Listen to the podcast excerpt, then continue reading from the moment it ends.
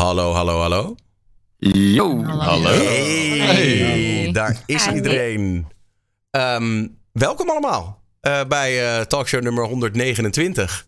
Eh, waar nog steeds het concept compleet onveranderd is. We zitten met een, eh, een aantal gezellige streamers bij elkaar. We praten over van alles en nog wat. En ik presenteer jullie aan de cast van vanavond Maximilian TV, Serpent Gameplay, Sasha Harland, Rikachu, KCNL, Fems, Nessiru en Stream with Lean. Welkom allemaal. Eh, hoe was de week? Hebben we nog wat meegemaakt? Lekker weekje vakantie gehad. Het, het moment. Week in vakantie gehad. ja. Vakantie. ja, ik werk, eh, ik werk ook nog op een school naast al mijn activiteiten. En eh, ja, dat is, dat is soms wel eens lekker. eh. en ik ben lekker een weekje gewoon eh huisje in Brabant geboekt tegen de Belgische grens. Kijk aan. Even een lekker, Lekker, weekje man. Lekker voor 99% offline gegaan. Dat is soms ook echt wel eens nodig en lekker. Ik heb het naar mijn zin gehad. Lekker man. Ja. Nou ja, ik heb eh, afgelopen week eh, eigenlijk vooral geknutseld met eh ledstrips. Eentje zie je achter me. Ik heb eh 12 meter eh ledstrip geïnstalleerd. En die ga ik eh, ook nog aan mijn stream koppelen. Dat is nog niet gebeurd. Ik heb het ook, ja, dat zie je niet goed hier eh, tegenover me hangen. Maar ik, ik kan ze individueel aansturen, dus ik ga ze ook allemaal aan mijn stream hangen. Daar heb ik echt nog wel even een paar dagen de tijd voor nodig, want het zijn bijna 800 leds of zo. Oh god. En eh, ja, precies. Ik zie wel echt een nice gradient erin. eh. Ja, maar dat, dat, is, dat is het ook. Wacht even, Ja, ik kan het even... eh, dit Demonstratie. Demonstratie. Ja, nee, ja, Klein een soort Kun je van... die ledstrip even doorsturen? Ja, zeker, ja, zeker. Kijk, dit, dit is wel, weliswaar mijn B-Rate backscene, maar hier zie je hem ook eh, achter hangen, zeg Oh, maar. Deze staat nu ja. stil. Vet. En eh, ja, daar ben ik echt, eh, echt super druk mee bezig geweest. En ik ben bezig om een IRL backpack te bouwen met eh, een van mijn programmeurs. Heb je ook al een hypotheek aangevraagd voor de energierekening of niet? Holy shit, man. Ja, je wil niet weten. Ik gebruik echt eng veel energie, inderdaad. Maar goed, dat eh, En wat wordt de hoort er allemaal bij. streamintegratie dan? Sorry? Je had het over streamintegratie. Wat ga je Ja, doen? precies. Dus met eh, gewoon stream events, follow subs, dono's, scare dono's. Dat er echt van alles gebeurt. Dus bijvoorbeeld een, een thunder donation, zeg maar. Dat alles wit gaat flitsen en weet ik Maar ik wat vind dat voor, mensen dat voor shit veel te allemaal. weinig doen. Is liggen best wel. Ik heb dan dit. Ik vind het altijd best wel leuk. Dat het in ieder geval iets, Ja. iets van extra prikkels is of zo. toch? Ja. Precies, nou ja, dat, dat wil ik dus gaan doen. Heel Heel makkelijk. Gewoon een programmaatje voor eh, Lumia, heet dat. Ja, klopt. Die gebruik ik ook doen. inderdaad. Gewoon één eh U of zo eh, lampje en that's it. Dus Lumia gewoon Ja, Lumia. Lumia. Ja, Lu- oh, Lumia of Lumia Stream, zoiets. eh. Lumia. Ja. Ja, het ik werkt heb met allemaal Philips U Hue hangen. Ja, ik heb Ja. heel mijn huis is U, dus dan kan ik je ook een halve disco eh, creëren. Er liggen wel Precies. kansen inderdaad. Precies. tip. is één van jullie gewoon in te huren om, om Ja hoor, zeker next level streams te maken Ja, qua setup layout. Want ik, ik, ik ben te lui voor die shit. Ik wil dat ook, maar ik, ik, heb, ik heb ook gewoon de interesse niet om me erin te verdiepen. Dat Ja. is mijn probleem, zeg maar. Dus als iemand eh, in te huren is, laat me maar weten na de talkshow. Ik heb het in Ja, het begin ook ja, nog gedaan dat- met dat... eh, sorry. Nee, ga maar. Ga maar. Nou, ik wilde zeggen, ik heb in het begin ook nog met dat Lumia gedaan. En ik merk dat ik dan toch gewoon te, te gevoelig ben voor die prikkels. En dat ik denk, ja, mijn vibe verandert. Ik moet dat niet Ja, hebben. ja, dus dat, eh, Ah ja, dat heb ik ook echt wel. Nee, ja, ik ik- heb altijd een color theme zo. Dus als dan Ja, zo maar die kun je gewoon terug hebben. Kijk, dit Ja. Ja, dat dus. dat, dat, het reset zich wel weer naar de scène die ik heb gemaakt in, Ah, ja, eh, in de U-app, zeg maar. Het wordt nu gewoon weer blauw. Nee, ik wil het ook echt aan, aan events koppelen, zeg maar. Dus dat het wel echt een, een specifiek ding is. En dat hij dan weer gewoon terug naar inderdaad mijn vibe gaat. Ja, ja, ja precies. En, eh, ja, dat doet het wel. Ik heb wel altijd het idee met dit soort dingen dat als je dan een grof hype trendje pakt, dat je dan echt eiland met een epilepsieaanval achter je computer ligt. Daar ben ik Ja, wel echt een beetje bang voor, ja. Je moet het geen epilepsie hebben, dat nee. je het zelf maakt, hoor. Kijk, je kunt al je lampen eraan koppelen, maar je kunt ook bijvoorbeeld één lampje eraan koppelen. En dan is het niet zo'n Ja. heftig effect. Ik wou net zeggen, je hoeft ook niet, eh, niet alles te doen. Je kan ook gewoon Ja. één lampje ernaast of zo. Ja. eh, ja. Eén Ja. volle bot en je bent klaar. precies. Ja, daar, daar, daar, daar heb, daar heb ik inderdaad nog geen oplossing voor, eh, voor, voor gevonden. Ik heb al een paar lampen achter mij staan, zeg maar. Die, die lampen die daar staan, die zijn allemaal aan mijn stream eh, gekoppeld. En inderdaad, als er zo'n volle bot gegooid wordt, dan blijft dat maar gaan. Dus ik moet nog even kijken wat ik daar eh, precies mee doe. Kast in de fik. Ja, precies. Lekker. Ik, ehm, ik ben voor het eerst naar Vrienden van Amstel geweest. Ja, hoe was dat? Ja, ik ben ook sowieso eigenlijk nog nooit eh, naar een concert in de Ahoy geweest. Eh, dus ik was een beetje bang van, oh, wat is wanneer ik zie? Ik ben heel klein, dus ik zie nooit iets bij concerten. Maar we stonden echt naast de bar, naast het podium. Het was echt fucking leuk. Het was echt eh, alsof je in de kroeg staat, maar dan XXXXL. ja, het einde Ja. van de avond iedereen vol bezopen, met elkaar dansen allemaal. Allemaal superleuke artiesten. Mijn boys Nick en Simon weer gezien. ja, ik wil net zeggen, er, er is, er is wel enige overeenkomst tussen kroegmuziek en Vrienden van Amstel muziek, toch? Ja, het is, oh, daar wordt gebeld. Ja, joh. Dota nee, het was ringtone. echt, eh, het was echt superleuk. Maar Ja. Ja. ja, ik ben daar daardoor wel al de hele week ziek. Dus ik denk dat iemand me Oh. daar heeft aangestoken. Nou dus ja. dat is minder leuk. Maar goed. Ik heb kaarten voor 2023. En, eh, maar dat, dat, volgens mij is dat nu ook alweer allemaal helemaal uitverkocht. Dat gaat echt knijpen. Ja, dat zo snel, ja? Ja, er was Ja. dus nu een extra editie. En daar hebben we dus heel snel kaarten voor kunnen krijgen. Maar normaliter moet je echt een jaar daarna eh, pas eh, kunnen gaan. Want het is echt binnen 10 minuten uitverkocht. Dat is niet Ja, normaal. Oké. Dat lijp, joh. Ik wist dat helemaal niet, dat het zo'n soort hype-ding was. Volgens mij hebben ze nu in januari, januari 2023, omdat het zoveel jaar bestaat, hebben ze volgens mij 20 edities of zo. Er zit heel januari vol. Dat is echt, het was- super veel shows. Ja. Het vind is het wel net bijzonder soldaat dat van Oranje, toch?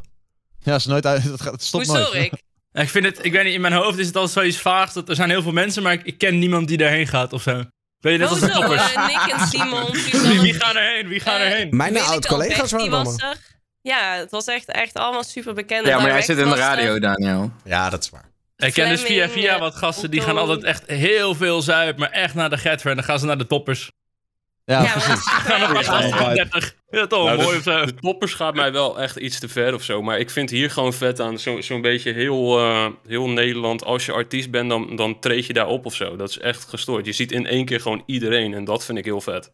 Ja, de Ja, OG's komen daar zo, wel. ja. eh, Het is ook niet zo dat ze allemaal alleen hun eigen nummers zingen. Er komen ook echt oude nummers. Hele, eh Doe maar hebben ze gespeeld, bijvoorbeeld. Eh, ja, het was gewoon echt eh, een vibe, zo gezegd.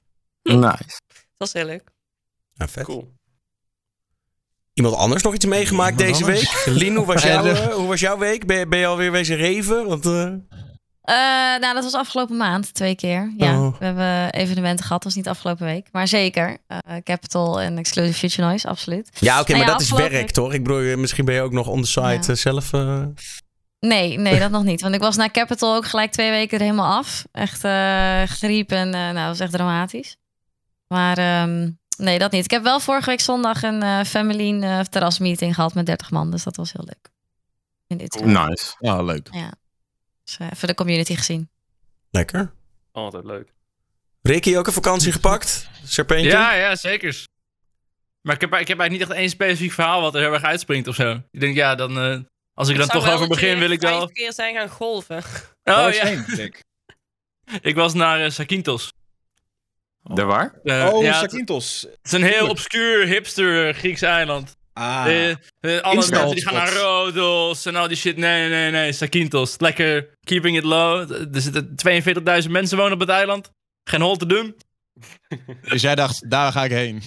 ja, nou, ik had, ik had een soort resort. Eh, ik had Billy beloofd dat na de subathon zouden we één keer even goed op vakantie gaan. Dus ik had echt een of ander all-inclusive resort geboekt.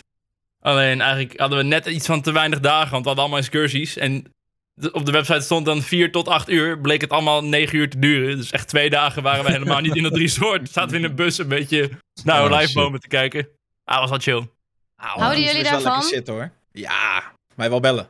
Al inclusief resorts, is dat Ja, echt Dit is de eerste keer dat ik zoiets gedaan heb. In, in 12 jaar of zo. Ja, ik, ik vind het wel chill. Maar ik denk dat ik het toch leuker vind om gewoon een hotelletje in de stad te boeken en lekker op avontuur te gaan.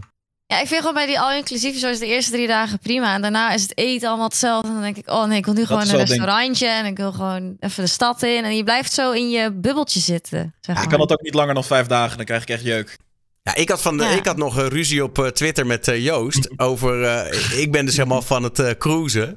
Want dat is zeg maar de beste... Mijn, mijn, Wat voor cruise? gewoon op een boot. Oh, oké. ja. Ja, ja, gewoon. Ja, ja nee, niet, eh, niet van eh, eh, sleutel in de pot en dan eh, kijken met welke buurvrouw. je- Nee, dat niet. Eh, maar. eh, nee, maar, maar ik, ehm, dat, is toch, dat is toch top. Dan heb je, een vij- heb je inderdaad je vijf sterren resort met eh, alles erop en eraan. Maar ben je wel iedere dag op een andere plek. Dat is, eh, ja, ik vind dat echt top. Ja, maar jij hebt dat niet heel lang geleden, heb je dat nog gedaan, toch? Ja, ja, zijn nou twee keer geweest. Ik hou dat erin. Eh, het is gewoon, of je vindt het top, of je be- doet het één keer en dan nooit meer. Maar ik vind het wel echt top. Of je bent een heel Kijk, weekend aan het maar barfen, dat kan ook nog. Hm? Of je bent heel weekend aan het kotsen, dat kan ook nog. Als je Ja, eh, dat niet kan. Ja. Nou, dat valt wel mee. Nee, ja.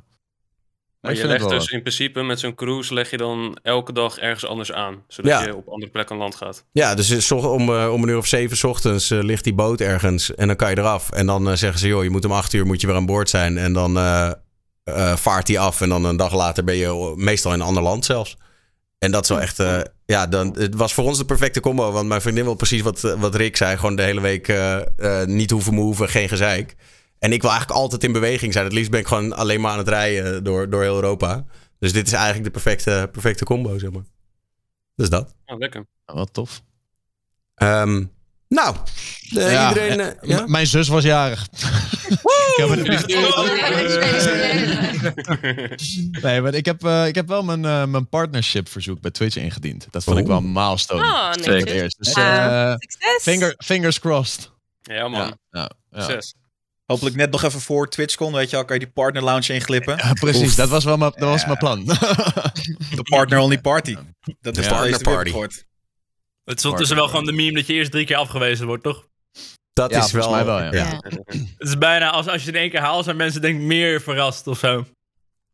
Hey, ja, ik thanks hoor wel de jongens. laatste tijd dat veel mensen echt drie, vier, vijf kregen wij eh, afgewezen worden, inderdaad. Ja. Maar ook echt mensen die al vet groot zijn. Alleen, Ja, en mensen die boven de heel groot. 100 kijkers hebben, worden dan nog steeds afgewezen. Dan denk van, oké. Maar Ja, want dat hebben ze volgens mij wel verhoogd van 75 naar. Is het nu 100 of moet je Ja, nog steeds op de steeds regel Ik moest, ehm ik moest ja, om je aan 75. te melden. Alleen dan krijg je als feedback van Hm. boven de. Dat is toch maar raar dat, daar hebben we het eh, wel eens eerder over gehad, maar dat blijft natuurlijk raar. Want bijvoorbeeld voor Amerikanen staan die requirements hetzelfde. Staat er ook van je moet 75 gemiddeld halen. Maar in Amerika haal je het never nooit als je minder dan 1000 average hebt. Dus het is Mhm. zeg maar, het is eigenlijk, je krijgt het recht om een aanmelding te mogen doen. Ja, precies. En dat staat er ja, ook bij, ja. toch? Ja, Ja. Ja, dat er geen garantie is dat je het, eh, dat je het krijgt. Nee, we gaan het zien. eh, we gaan het zien, jongens. Ik ben ook wel benieuwd in hoeverre dat bericht weten. echt nog uitmaakt. Is er een soort van, soort van pointerlijst? Als je dit erin zet en dat en dit, dat je een beetje... Dat checklist, ook af, ja. Ik heb het vrij kort en bondig gehouden. Ik heb niet eh, allemaal horecabaantjes genoemd van vroeger bijvoorbeeld. ik heb gewoon, ik heb gewoon, eh, gewoon wat ik doe, wat ik leuk vind. En, eh, Ik ben benieuwd of je daar echt nog, als je daar echt een goed overtuigend betoog schrijft over fantastisch de community is. En. Of het echt nog uitmaakt. Of het gewoon naar je stats kijken en dan gewoon een stempel erop drukken, zeg maar. ja. Ja, zouden ze meer naar stats kijken of ook wel naar de content die je maakt? Ik- alles. Sowieso de content. Sowieso de content. Wat? Ik denk dat als jij gokstreams maakt, dat je met 100 kijkers sowieso geen partner gaat krijgen. Ja. Nee, en ik had eh, in mijn, eh, een van mijn eh, panels had ik een, eh, een OnlyFans linkje met een Rick Roll erachter. Maar die heb ik, eh, die heb ik ook maar even voor de zekerheid weggehaald voor deze aanvraag. Dat is wel lekker hoor. Daar ga ik dat is heel wel goed slim, op. ja. Ja, en ik heb ook wel eens eh, gehoord van eh, voormalig Twitch-medewerker... dat ze schijnen dus zelfs een soort van, een soort van stat te hebben... van eh, eh, viewers die zeker weten kijken en twijfelachtige viewers. Dus als je bijvoorbeeld probeert om jezelf naar de top te viewbotten... dan zien ze gewoon van, hé, hey, dit zijn Nou, geen... maar dat is toch ook dat Jongens, ze het, eh, het verschil in de average views met eh rates en zo. eh, dat, dat dat staat al. Ik weet niet waar, maar ergens staat dat dat, dat niet meetelt. ja, dat tellen ze niet En mee inderdaad. Ja. In jouw stats zie jij dat wel gewoon bij je average views. Hey, zij zien op gezien, meer. hè? Als ik mezelf zou viewbotten naar partner, mag ik dan wel de partnerparty in? Met TwitchCon? Hypothetisch gezien, hè? Ik zou dit natuurlijk nooit doen. Nee, maar ja, dan word je gewoon geen partner. Oh, dat is big yikes. Dat is het hele Ja, punt. Nee, maar zij zien dus gewoon op de achtergrond. Jij krijgt dan gewoon een soort van viewerscore van, van C in plaats van A. En dan zien ze gewoon van ja, die viewers zijn niet real. Dus je kan jezelf, het kan gewoon letterlijk niet. precies. Daniel, laat maar me eh, nog ik hoor nu al een, eh, een paar keer iets over die partner lounge. Is dat een. eh, Volgens mij is dat wel een ding, ja. Dus Ja, schijnt dat het ding te zijn. Ja, dat is een ding. Dus als je partner bent, dan, mocht je, dan, dan is er daarna een soort van partnerparty. En dat is, allee, alleen partners mogen daar naartoe. Dan heb je inderdaad ook nog zo van die VIP-lounges en zo, weet ik veel. Uh, maar dat is dus wel een ding. Ehm. Maar ja, uiteindelijk, dat is gewoon toch een beetje een soort van eh, net niet VIP-deck volgens mij. Want bij een VIP-deck heb je nog het voordeel dat je een beetje zo over de mensen uit kan kijken en kan zwaaien van kijk mij hier Vipper de VIP zijn. Alleen de partner lounge is volgens mij echt een aparte ruimte waar je je gewoon als partner even kan terugtrekken. eh, buiten de stress van, van TwitchCon zelf, zeg maar. Ja, precies. Ehm, In Berlijn zat hij toen bij eh, bij de ingang op de derde etage. ja, Nou, is ook, is ook, ook niet echt gezellig. nee, dat. Ja. Eh, Er is maar ook een affiliate lounge zie ik in de chat. Ja, dat is de rest Ja. van de beursvloer. dat is de rij. Groot. Is er nog een eh, Dead Streamer Lounge waar ik me voor kan aanmelden? Ja, maar er wordt vast genoeg. Ik bedoel, eh, ik heb een beetje gehoord wat. eh, los van wat Twitch allemaal aan het organiseren is, zijn er natuurlijk ook gewoon bedrijven en zo die zelf ook parties gaan organiseren. Dus het is niet ondenkbaar dat, weet je wel, eh, game PC-fabrikanten, whatever, eh, dat die ook nog een party geven s'avonds, waar gewoon wel iedereen welkom is. Dus, Ja, ja. dus dat. Weten jullie hoe lang het duurt voordat Twitch iets laat weten na zo'n verzoek? Dat ligt er helemaal maar net aan. me- De meeste mensen krijgen zo binnen de week of de twee weken wel iets van antwoord. Zo. Ja, ja. Want er lijkt iets van een soort moment te zijn, toch? Want je hebt vaak dat een paar mensen tegelijk gepartnerd worden. Dus Ja, alsof iemand bij Twitch gewoon eventjes achter zijn computer Ja. gaat zitten. Oké, we gaan het nu doen. Dus als je daar net een dag voor zit, krijg je morgen. En als je er net na zit... Ja. Volgens mij is het nu vakantieperiode, dus ik denk dat het wel even kan duren. We gaan het zien. Ja. Ehm, het is moederdag vandaag. Eh, en toen, nou sowieso, hè, Oh shit. shout-out naar alle, alle mama's. Eh, ik ben, Hoi eh, mam. die van mij heeft mij gewoon gedwongen. Die belde mij gisteren op. Die zei, je komt morgen langs, hè? Ik zeg, ja, Oh. ja, Ik, ik durf te wedden dat die van mij zit te kijken nu. Ja, Ik, ik hoor iedere week de updates over de talkshow van mijn moeder. Nou, Dat is echt... eh, ik had er als vraag aan gekoppeld, welke eh, karaktertrekjes heb je van je moeder? Oh lord. En, eh, Heel eigenwijs zijn, man. Het is Ja. echt verschrikkelijk. Ja, Ik geef haar ook gewoon altijd de schuld. Dat is wel weer lekker. Ik kan het altijd op een ander afschuiven. maar die eh, heb Ja. ik helaas al genetisch erbij gekregen. Dat vind ik een hele interessante vraag. Ja. Even Ja. kijken. Ja, ik, ik weet niet wat een karaktertrekje is van mijn moeder of dat het cultureel bepaald is. Maar ik kan gewoon niet inschatten hoeveel eten ik moet maken voor mensen. Ik kan gewoon geen porties indelen. Oh, Ik heb standaard kook ik voor, als ik denk, ik kook voor vier mensen, heb ik voor acht mensen genoeg. En mijn moeder doet dan nog twee keer zo erg. Maar dat, dat kan ook gewoon, ja, cultureel bepaald zijn of zo. Ja, maar is dat dan niet. met de, met de rijst en met de pasta en dat soort dingen? Of is Nee, het ook alle- met de rest? het maakt, het maakt echt niet uit. Ik had laatst... Ah, eh, maar dan is het toch gewoon een ik- kwestie van van die plastic bakjes in huis halen en dan eh, de rest... eh, vriend, nee. Ja, luister, nee. ik, Oké, ik weet niet wie het nou wel en niet weet intussen, maar ik ben dus ik ben Surinaams. En als wij koken, koken we sowieso veel. En ik heb laatst eh, de Surinaamse kippastei voor twee vrienden gemaakt. Ik had serieus gewoon acht porties. Letterlijk. En dan ben ik bezig aan het koken en dan denk ik, ah, is dit wel genoeg? En dan, je wilt nooit dat het te weinig is voor, voor je gasten. En dan kook je toch wat meer en uiteindelijk heb je gewoon echt veel te fucking veel. Nou, ja. Je zou zeggen dat je op een gegeven moment een beetje weet wat een portie grootte is, toch? Ja, nee, beetje- maar, luister, ik kreeg letterlijk, ik kreeg letterlijk gisteren een appje van mijn moeder in, in de gezinsapp van hey, ik heb nieuwe kruiden geprobeerd voor de nasi. Ehm, maar ik heb echt eten voor een heel weeshuis. Dus als jullie willen komen eten, jullie zijn welkom. De- dit, mijn moeder is intussen bijna 60 of zo. Of weet ik veel. Oh, dus ik heb geen flauw idee. Maar dat, dat, ik kan dat niet. Zij kan dat niet. Ik, ik gok zomaar dat dit gewoon eh, een, eh, een, een ding is wat ik van haar heb overgenomen. Nou, ja. Ja. Ik denk, ik denk, dat dat echt, dat is echt voor een groot stuk cultureel. En bij ons is het vaak zo, zeker als je gasten hebt, als er iets... Als, als het eten allemaal op is, dan wil dat zeggen dat je eigenlijk te weinig gekookt hebt. En dat is echt een beetje schaamtelijk. Van, oei, ze hebben, ze hebben keiveel honger en alles is op. En uh, dan zijn er geen goede... Ja, precies. Dus ik heb dat ook heel hard. Als iemand bij mij komt, echt, echt... Ik pak gewoon een lepel, ik zeg, eet hier. er is nog... Neem ruim, neem ruim. Ja. Je zou ook kunnen is denken dat ook- als het eten niet op is, dat het schaamte is, want dan was het niet lekker genoeg. Ja, ja, ja, ja. Dat, is- maar dat is ook een belediging, hè? Dus als je Dus eten dat maakt... mij niet goed. Ja, Maar, Je moet gewoon niet langskomen. Je moet gewoon niet Als in- langskomen. Wat als, je, als, je, als iemand voor jou opschept en je hebt dan echt, echt buikpijn van het eten. Maar, maar dan is het nog steeds asociaal om je bord niet op te eten. Maar dan, dan zit toch een, Ah, grens dat zou ik aan gewoon zeggen. eten, zeg maar. Ja. Fems, waar ga je eten dat je buikpijn krijgt van het eten? Bij Loetje, mag- qua hoeveelheid. Oh. oh ja. bij Loetje heb ik altijd heel veel buikpijn, ja. Ik vind juist loetje is gewoon die biefstuk, dat is gewoon net eigenlijk net te weinig. zeg Je kan ook die grote doen. Die Ja, maar die. XL is ook die te weinig, man. Nee, die is te Is much. ook nee. te weinig. Maar die kleine, die is eigenlijk net, ja, net te weinig. Pak je Nee, er boter altijd erbij. superveel Top. frietjes over en brood en zo. En dan voel ik me altijd zo van bezwaard van... Oké, het was lekker, maar het was echt te veel. Nou, ja. Sowieso als ik in een restaurant ben en ik heb te veel over... dan verontschuldig ik me altijd aan eh, de serveerster van... Ja, sorry, het was wel heel lekker, maar het was wel heel veel. Mm. Neem, maar neem je het dan mee naar huis? Of laat ja, je als het het, uh, kan, als het kan wel, als het kan wel. Nee. Maar het ligt er een beetje aan wat het is. Dat is ook zo mooi. In Amerika heb je het concept doggy bag. Maar het is eigenlijk gewoon, joh, ik wil het later nog opeten, toch? Dat, eh, Ja, Ja. Je bent zelf de doggy in dat geval. ja, dat.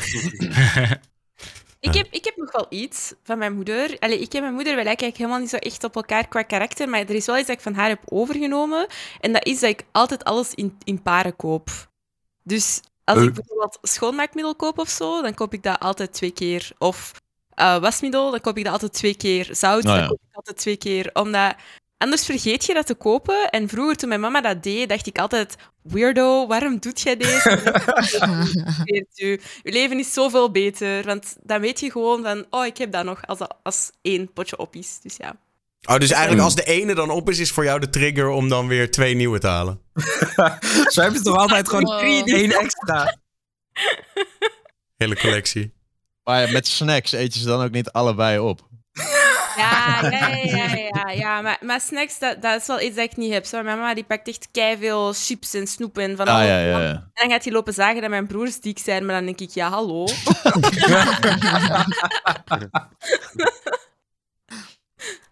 Ja, ik heb toch wel een beetje het, eh, het, eh, gewoon het, eh, het, het, het, het oude hoeren sowieso. Gewoon het praten. Maar ook wel, zij komt ook wel uit de, ja, de, de showjournalistiek, om het zo maar te zeggen. Zij schreef vroeger voor de Cosmopolitan, zo'n vrouwenblad. En kijk waar wij Ja. nu zitten. Dus in die zin, eh, ja, ik heb wel veel van mijn moeder weg, denk ik. Uiteindelijk. Dan heeft jouw moeder er heel huis ook vol staan met gear, of niet? Nee, maar wel met lampen. Dus eh, het is wel Nice. echt, eh, zeg maar, mijn moeder heeft alleen al in de huiskamer heeft gewoon 21 lampjes of zo. Dat, eh, weet je wel, individuele schemerlampen en dingen. Dus dat, eh, het, licht. Maar heb je er wel al de U hookup gegeven, of niet? Nee, want ze is veel te, nee, want het moet precies zo en bababa. En ik heb nou weer op een of andere marktje heb ik een lamp gevonden met. Dan moet het ook weer via een app natuurlijk. En dat is allemaal technologie Nee, als het, moet allemaal gewoon, het moet gewoon aan Ja. en ja, dat. I Dus dat. Andere, Eh, ja, ik denk dat ik een beetje de... Mijn moeder is wel gevoelig. En ik heb denk ik dat ook wel. Alleen ik communiceer het dan zoals mijn vader.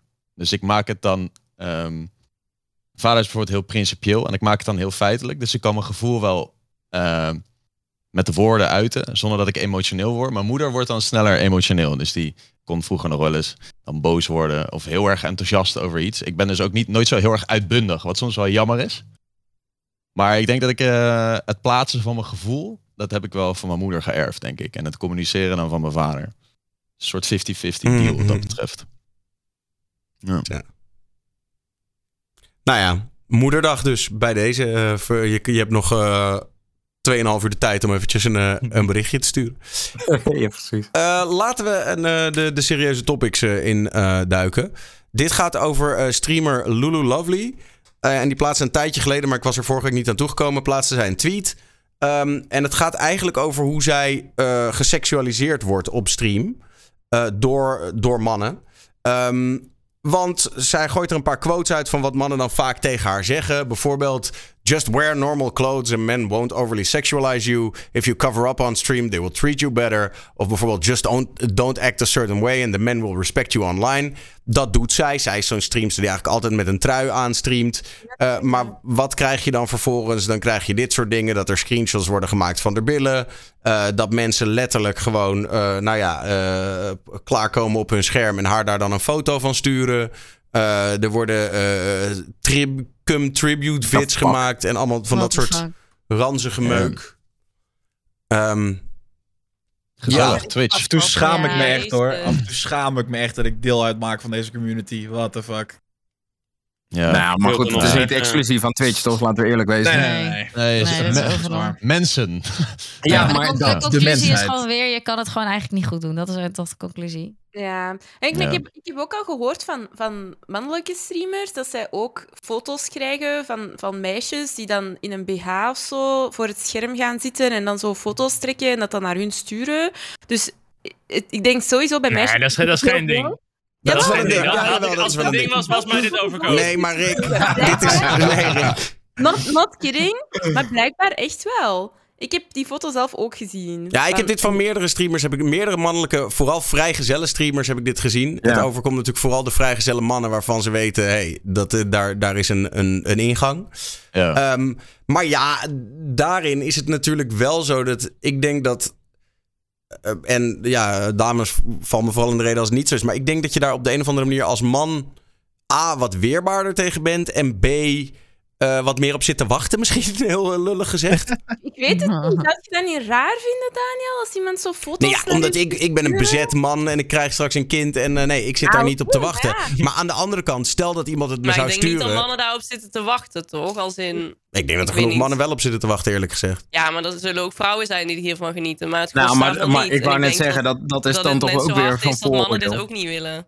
Althans, ik ben geen man, dus ik kan niet oordelen Ja, en de, de expliciet, zeg maar, eh, de mate van eh, hoe expliciet het is, is ook wel eh, een verschil. Een, een foto van een, een dame in een BH die naar je stream kijkt op een soort flirter wanneer ze single streamer bent. Daar, eh, daar, volgens mij krijg je daar geen, eh, geen nare gevoelens van. Dat is wat anders het dan een hoogstens een dickpic. beetje weird. Een dickpic of eh cum op een scherm. Yo, hallo, eh, doe eens rustig. Ja, oké, maar wij, hebben- wij kunnen dat niet, hè? Nee, Nee, nee, maar ik meer zo van... van toevallig had ik... eh, kunnen, had ik het ook wel gedaan. Nee, maar ik had toevallig een paar wat zou het weken... vrouwelijk equivalent daarvan zijn dan? Zullen we het daar niet over hebben? Nee. Die Nee, is Casey. Ik heb toevallig een, een, een, een discussie gehad met eh, mijn collega Julia laatst op de radio. En die vertelde mij een beetje zeg maar, het proces van als je als vrouw een, een, eh, een sexy foto stuurt. En zij, zei toch, zij omschreef dat. En toen dacht ik, ja, dat zou een man nooit doen. Weet je wel, even generaliserend. Ik snap dat niet iedereen hetzelfde is. Maar zij zei van ja. En dan ga je een mooi setje aantrekken. En dan ga je naar de belichting kijken. En dan doe je je best om een mooie foto te maken. En dan zorg je dat de angle goed is. En dat doe je tien keer opnieuw. Dat is toch een De andere vibe. Instagram foto. Nou, Daniel, sorry hoor, maar mannen die, eh, die continu in de sportschool, die staan meer voor de spiegel om foto's van zichzelf te maken, als dat ze uiteindelijk aan het sporten zijn. Dat is dan een beetje hetzelfde. Nee, oké, maar ik bedoel, ik denk toch ook dat stel dat een, een, een, een vent jou een foto stuurt van zijn ontblote bovenlijf. eh, te, weet je wel, als jij vrijgezelle streamer bent, dat, ik kan me voorstellen dat je daar minder nare gevoelens bij krijgt dan iemand die een dickpic stuurt. Nee, dat is absoluut. Ik krijg gewoon altijd nare gevoelens als mensen zo'n foto's naar mij sturen als ik daar niet om. Ja. Als dat zo ongevraagd Maar is... uit en wat het is. Dan zo- is er een ja. foto van eh, jou met, eh, weet ik. Ja, nee, ik wil dat gewoon niet. Nee. Als, als, als ik single ben of niet. Ik, als ik daar niet om vraag, dan wil ik het gewoon niet. En Maar ik vraag het ook niet niet- om, dus stuur niet naar me. Komt het ook niet een beetje neer op dat zeg maar mannen die doen het met vrouwen die zeg maar, hè, waarmee ze het eigenlijk met alles, ja, eigenlijk wel niet zo heel kieskeurig toch? En vrouwen die zijn er toch een stuk kieskeuriger mee. Heeft dat er ook niet wat mee te maken dat daarom dan misschien veel meer gebeurt met vrouwen dan met, met mannen? Ook omdat mannen daar misschien dat het gewoon niet zoveel overkomt. Ook meestal als je in de club bent, dan komt, gaat een guy toch eerder af op een, eh, op een dame dan andersom. Nou, maar dat Ja, is toch ook ja. meer een, een Ja, soort sociale dat- verwachting of Ja, zo. Ja, Ja, niet dat ik trouwens nu goed praat dat jullie allemaal dickpics gaan sturen naar vrouwelijke streamers. Hou mij erbij. Doe dat vooral niet. Voel de bouw al ik, denk dat, ik denk dat vrouwen misschien ook veel sneller nog het idee hebben van als het verspreid wordt of zo. Mannen zijn daar volgens mij toch nog iets zelfverzekerder in of zo. Ik weet het niet. Ja, Waarom? het ding is, vaak krijg je gewoon daar, ja, ja, die piemel gewoon en weet ik veel welk gezicht dat daar aan hangt. Allee, dat, dat, weet, dat weet je niet Ja, echt, Waarom dus zou je een dickpic sturen naar een vrouw die niet met jou in contact is Ik had, ik had dus laatst een in je hoofd interessante vergelijking. Eh, vroeger had je natuurlijk heiger. Dat, dat je van die mannen had, die gingen dan vrouwen bellen... en dan aan de telefoon gewoon niks zeggen en een beetje hijgen. Ja. Echt? En dat sommige mensen denken dat een dickpic sturen misschien een soort moderne vorm daarvan is. Dat het een soort... Sommige Ja, mensen halen er een soort seksuele gratificatie uit om andere mensen op Ja, zo'n dat, manier dat, het andersom is. Zo van, oh, zij heeft mijn lul gezien, zeg maar. Ja, Ja, sommige die mensen gaan het daar lekker op trouwens. Ik weet Ja. niet wat Het Curry is meer een soort seksuele vernedering van die andere persoon of zo. Ehm, dus wel. misschien is dat het. Het is meer een soort, tussen aanhalingstekens, een soort fetish-achtig iets waar je dan heel goed op gaat. Het is niet eens per se dat je een Oh. stuurt. Ik begreep nooit, waarom stuur je een dickpic? Je gaat geen nude Ja. terugkrijgen, toch? Nee. Nooit Ja. gebeurd dat je een dickpic stuurt dat die chick zegt, leuk, hier zijn mijn tieten. Eh, Ja, maar denk dat hebben die jullie het ook wel win eens... misschien moet het meer is zien als een soort digitale potloodventer of zo. In plaats van Ja. iemand die een Ik nude terug wil hebben. potloodventer zeggen. Ja, van de, Ja, zeg maar de shock, het shock-effect dat je dat Ja. dan opwindend vindt of zo. Maar kennen jullie, kennen jullie iemand, een mannelijke iemand, die dit andersom heeft gehad? Dat een vrouw een foto stuurt van... Nou, hè? Ja, Jawel. Ja? ja. Ja, ik weet dat ook wel van, nou, van streamers in ieder geval. Ja, ik heb wel echt, ik heb wel echt te horen dat, dat mannelijke streamers, maar ook mannelijke artiesten of eh, mensen die groot zijn op Instagram, krijgen echt van zeg maar hele smaakvolle, eh, eh, chille foto's tot aan hele expliciete natuurlijk. Alleen, eh, ja, nou dat. Ja, want we hebben het steeds over Ja. dickpics, maar dan gebeurt het dus net zo goed ook gewoon andersom. Ja, ik heb dat, ik heb dat wel eens gehad hoor.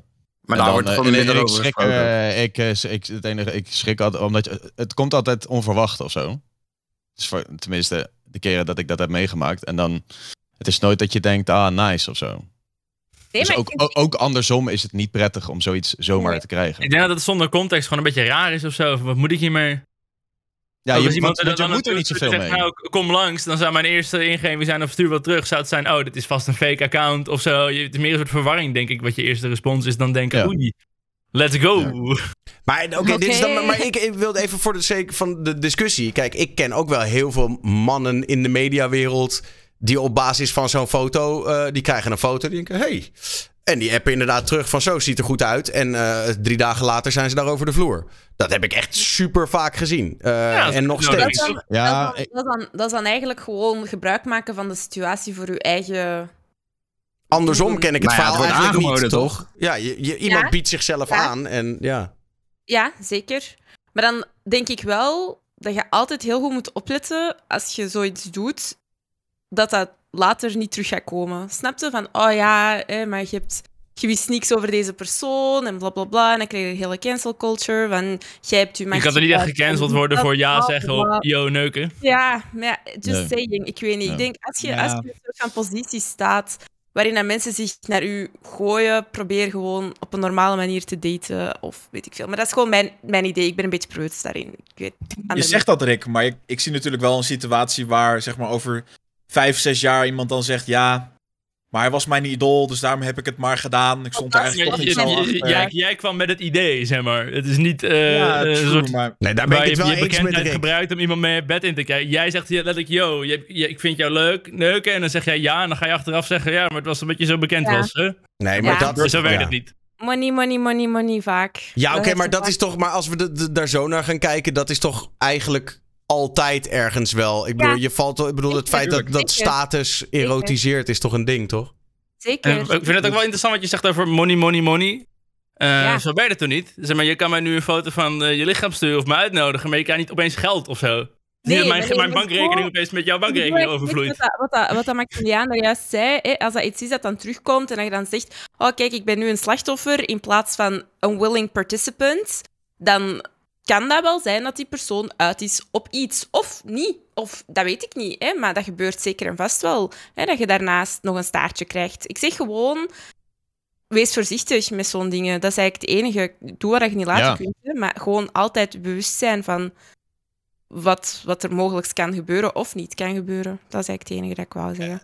En, en nog eh, om terug te komen op het onderwerp. Ik denk wel dat het, eh, dat er te zeggen is dat het bij vrouwen vaker eh, gebeurt dan bij mannen. En, en dus het feit dat zij zich daar zeg maar openlijk over uitspreekt, vind ik alleen maar... En dat Goed. komt omdat in de maatschappij blijkbaar het beeld is dat als een vrouw zich wat bloter kleedt, dat ze vraagt om dat soort foto's. En dat is het hele probleem, denk ik. Maar even voor de duidelijkheid. Het gaat hier nog niet eens zozeer om, om wat mannen naar Ja, haar nee. sturen. Het gaat erom om hoe mannen haar seksualiseren. Dus zij op straat is gewoon, foto's maken. Ja, zij is gewoon aan het streamen en het is totaal niet seksueel. En in één keer worden er allemaal ass-screenshots gemaakt. Weet je wel? En dat zie ik toch... Tenminste, de enige waar, waarbij dat zou kunnen gebeuren is Chapo in Nederland, denk ik. Maar zelfs van Chapo heb ik nog niet een soort Chapo muscle tribute vid gezien. Als je begrijpt wat ik bedoel. Snap Nou, je ik, dat? ik heb één keer een, een Serpent Gameplay cum compilation gedaan, maar dat was meer ironisch dat iemand dat Oh, gemaakt, geloof ik, op trouwens, de subreddit. Ik heb wel een keer een tweet gehad dat iemand op een foto van mij eh, had zitten eh jizzen. Ja, er was zo'n guy met zijn iPad, toch? Die Ja. deed echt heel veel, heel veel streamers en Ah, YouTubers. Ja, ja het, het is een keer gebeurd dat iemand een foto Ook van echt mij... een heldere moment. Nou, nee, ja, ik zien. bedoel, het is, het- het- Laat, kijk, dat Nee, geeft maar aan dat het voor mij niet, niet... Ja, ik kon me daar heel makkelijk overheen zetten. Ik voelde me niet... Ja. Maar ik- wat ik zeg, dat is denk ik een stukje weerbaarheid. eh, waardoor je als man iets meer hebt van... Ja, wat gaat hij... Kom op dan. Ik bedoel, kan jij wel hebben, weet je wel? Dat is toch... Ja. Het is Ja. ook niet zo... allee, niet op die manier kan ik jou hebben trouwens, maar... het is voor de andere meisjes hier, maar als ik zo'n foto krijg... Allee, je schrikt daar een beetje van, dat wel, maar het is ook niet zo dat dat, dat mij de hele dag zo gaat haunten van oh nee, kijk wat, wat die persoon naar mij heeft gestuurd of zo. Ik denk gewoon, oké, whatever, ik, verwij ik verwijder dat en dat, dat, dat is het dan ook gewoon zo. Omdat je daar inderdaad een stuk gewoon... Ja, Ja, ik, ik, ik, moest, er- ik moest er gewoon... Het is heel triest, maar ik moest er gewoon echt keihard om lachen. Ja. Snap Ja. wel. Dat, Maar Ja, echt, dat is ik toch heb gewoon een zelf- goede oplossing, toch? Ja, ik heb Eh, zelfs mijn beste vriendin gebeld. Ik zeg, "Dat geloof je nou niet. Ik heb dit, ik heb dit ontvangen. Dit geloof je toch niet? Dus, Ja, ik denk dat dat de beste manier is. Maar er is wel altijd een verschil Ja. tussen eh, een keer een DM ertussen hebben met, met eh, gorigheid... dan dat je structureel onstream geseksualiseerd wordt. Ik denk wat ik misschien, dat nog wel, niet wat ik misschien nog wel gekker vind, is die mensen met die voetfetishen. What the fuck is dat, hé? Oh, dat is Hoeveel- naar. Hoeveel DM's je wel niet krijgt van kan je een foto Ja, sturen van je fucking voeten? Ja, maar het is dus de meest voorkomende fetish. Ja, ja, dat is. Ik heb, ik heb zo'n guy en die verandert altijd zijn naam. En dan stuurt hij mij en dan zegt hij: Kunt je live op stream eens je sokken tonen en dan geef ik u 500 euro. En ik blokkeer die altijd en die komt altijd met een andere naam. En altijd Kijkt dezelfde message. Welk? Ik- En mijn- hoe heet hij toevallig? Ik ben dan toch wel nieuwsgierig, zeg maar. Zou die ook echt die 500 euro geven? Nee, ik heb zo wel eens een keer gehad. En dat, dat was toen eigenlijk, dat gewoon grappig. Die stuurde zo in DM terwijl ik aan het streamen was. En ik heb dat toevallig gezien. En die zei, als je nu hand opsteekt, dan geef ik u 10 euro. En ik had gewoon mijn hand opgestoken, want ik dacht, ja, whatever the fuck, weet je wel. En die heeft mij dus echt 10 euro gegeven toen. En ik dacht, Ja. oké, whatever. Stuurt mijn tweede DM. Ja, als je nu zo je haar aan je haar krabt, dan geef ik je 20 euro. Ik vind dat soort mensen dus altijd scheidt irritant in mijn stream. Wat ik altijd doe, is ik doe het altijd. En dan zeg ik nu, nu doen, anders ban. Dat was die M, dus niemand wist dat, hè. Ah, ja, ja. Uh, dus eh, ik copy-paste die message naar mijn vriend en die zo, ja, doe dat, doe dat. We gaan kijken hoeveel dat er gaat. Uit eten, uit eten. Ik denk, uiteindelijk waren we tot 150 euro geraakt of zo, met gewoon echt kleine dingen doen. En dan begon hij zo van die dingen te vragen dat ik dacht, oké, tijd om u te negeren. Nu is het... eh, ja. Ja, ik weet het. Het is een glijdende schaal. Dan is het aan je haar zitten en dan is het een shirtje uit. En dan is het, ja, Nee, en dan nee, je was het zo. zo van, eh, dat specifieke plekje zo. En dan dacht ik, ja, oké, dit wordt een beetje te veel. En mijn haar Nou, viel- dat, dat, dat is toch ook zo'n soort vorm van controle uitoefenen of Ja, zo. Dat ja, dat is het moet voornamelijk. een soort machtsding zijn. Ja, zeker, zeker. En in het begin vonden we dat gewoon grappig, hè. Maar nadien denkt je echt wel zo van, oké, dit is gewoon echt fucking weird. En klaar. Ah, zonder namen te noemen ken ik wel een Twitch-streamster die wel eens in de DM van een kijker verzoek heeft gehad voor foodfoto's en daar grof geld voor eh, aangeboden kreeg. En die heeft gewoon foto's van het eh, internet afgetrokken en die foto's gestuurd en daar wel voor gecashed. Ja. Ik vond dat netjes. ergens al ballen. Nee, dat vind ik, dat vind, ik- dat vind ik Ja. niet eerlijk. Nee, je moet die Nee. guy er wel zo- Ik zou dan zeggen, eerst geld ontvangen en dan wel een foto van je voeten sturen. Kom op. 50% vooraf. Ja. Hey, dit is gewoon een zakelijke transactie. Eh je kan nou niet op Ik marktplaats eh, ik heb dingen niet verkopen en dan een lege doos opsturen. Ik Vind heb ik het niet niet bemiddeld, Rick. Ik heb het niet bemiddeld. Maar Nee, zei- of, of iemand zei blokkeren of voetfoto. Ga door.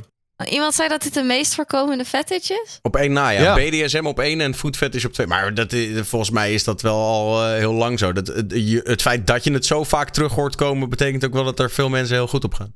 Heel goed op Maar gaan. waarom? I mean, van alle lichaamsdelen die er zijn. Ik, I mean, waarom fucking voeten? Maar. Het is zo vies. Ja, daar Nou ja, denk ik blijkbaar niet iedereen Er is toch niks. Er is toch niks aantrekkelijks aan fucking tenen? Is er een Het schijnt wel. deels met sommige fetishes dat juist omdat het een beetje raar is, dat- dat het soort van weer opwindend Nou, maakt of zo? Volgens mij, iets, iets een food fetish heeft iets te, ma- te maken met eh, een soort aanleg gewoon in je, in je hersenen. Dat, dat dat gewoon jouw ding is. En Ja. eh, ik- ik heb daar heel lang geleden, echt tien jaar geleden, een keer iets over gelezen. Maar dat, dat, dat schijnt echt gewoon daardoor te komen. En het is ook niet per se iets waar je dan in komt of zo. Als, je- dat, oh, klopt. als, je, als, je daar, als je daar je voor gaat interesseren of zo, weet je wel. Het is echt gewoon... Volgens mij Ja, was het zo dat inderdaad eigenlijk. Ja, precies. het gedeelte Ja, in je hersenen die fetish regelt en het gedeelte die zeg maar je voeten aanstuurt zit vrij dichtbij naast elkaar. Volgens mij was het echt zoiets. Nee, joh. Waarom is die link? Ja, ja, ja. Wel, Ik ja, heb- volgens mij wel. Ik dacht dat het iets van eh, je kinderjaren was. Omdat je dan kruipt. En dat je de, dan eh, voeten van je Dat zou- ouders en Dat zo. zou ik zoiets. alleen maar nog, nog weirder vinden. Als Dat, dat ja, dat, Ja. wow.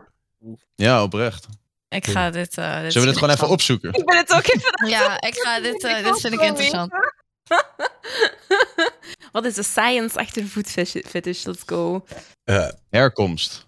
Mooi moment Niet, voor niet een... eh, iets wat ik per se in mijn zoekgeschiedenis wil hebben, eerlijk gezegd. Ja, ik heb Het gewoon eventjes eh, een incognito scherm te incognito. kopen. Ja, ja, ja, ja, ja. Control Shift N gang.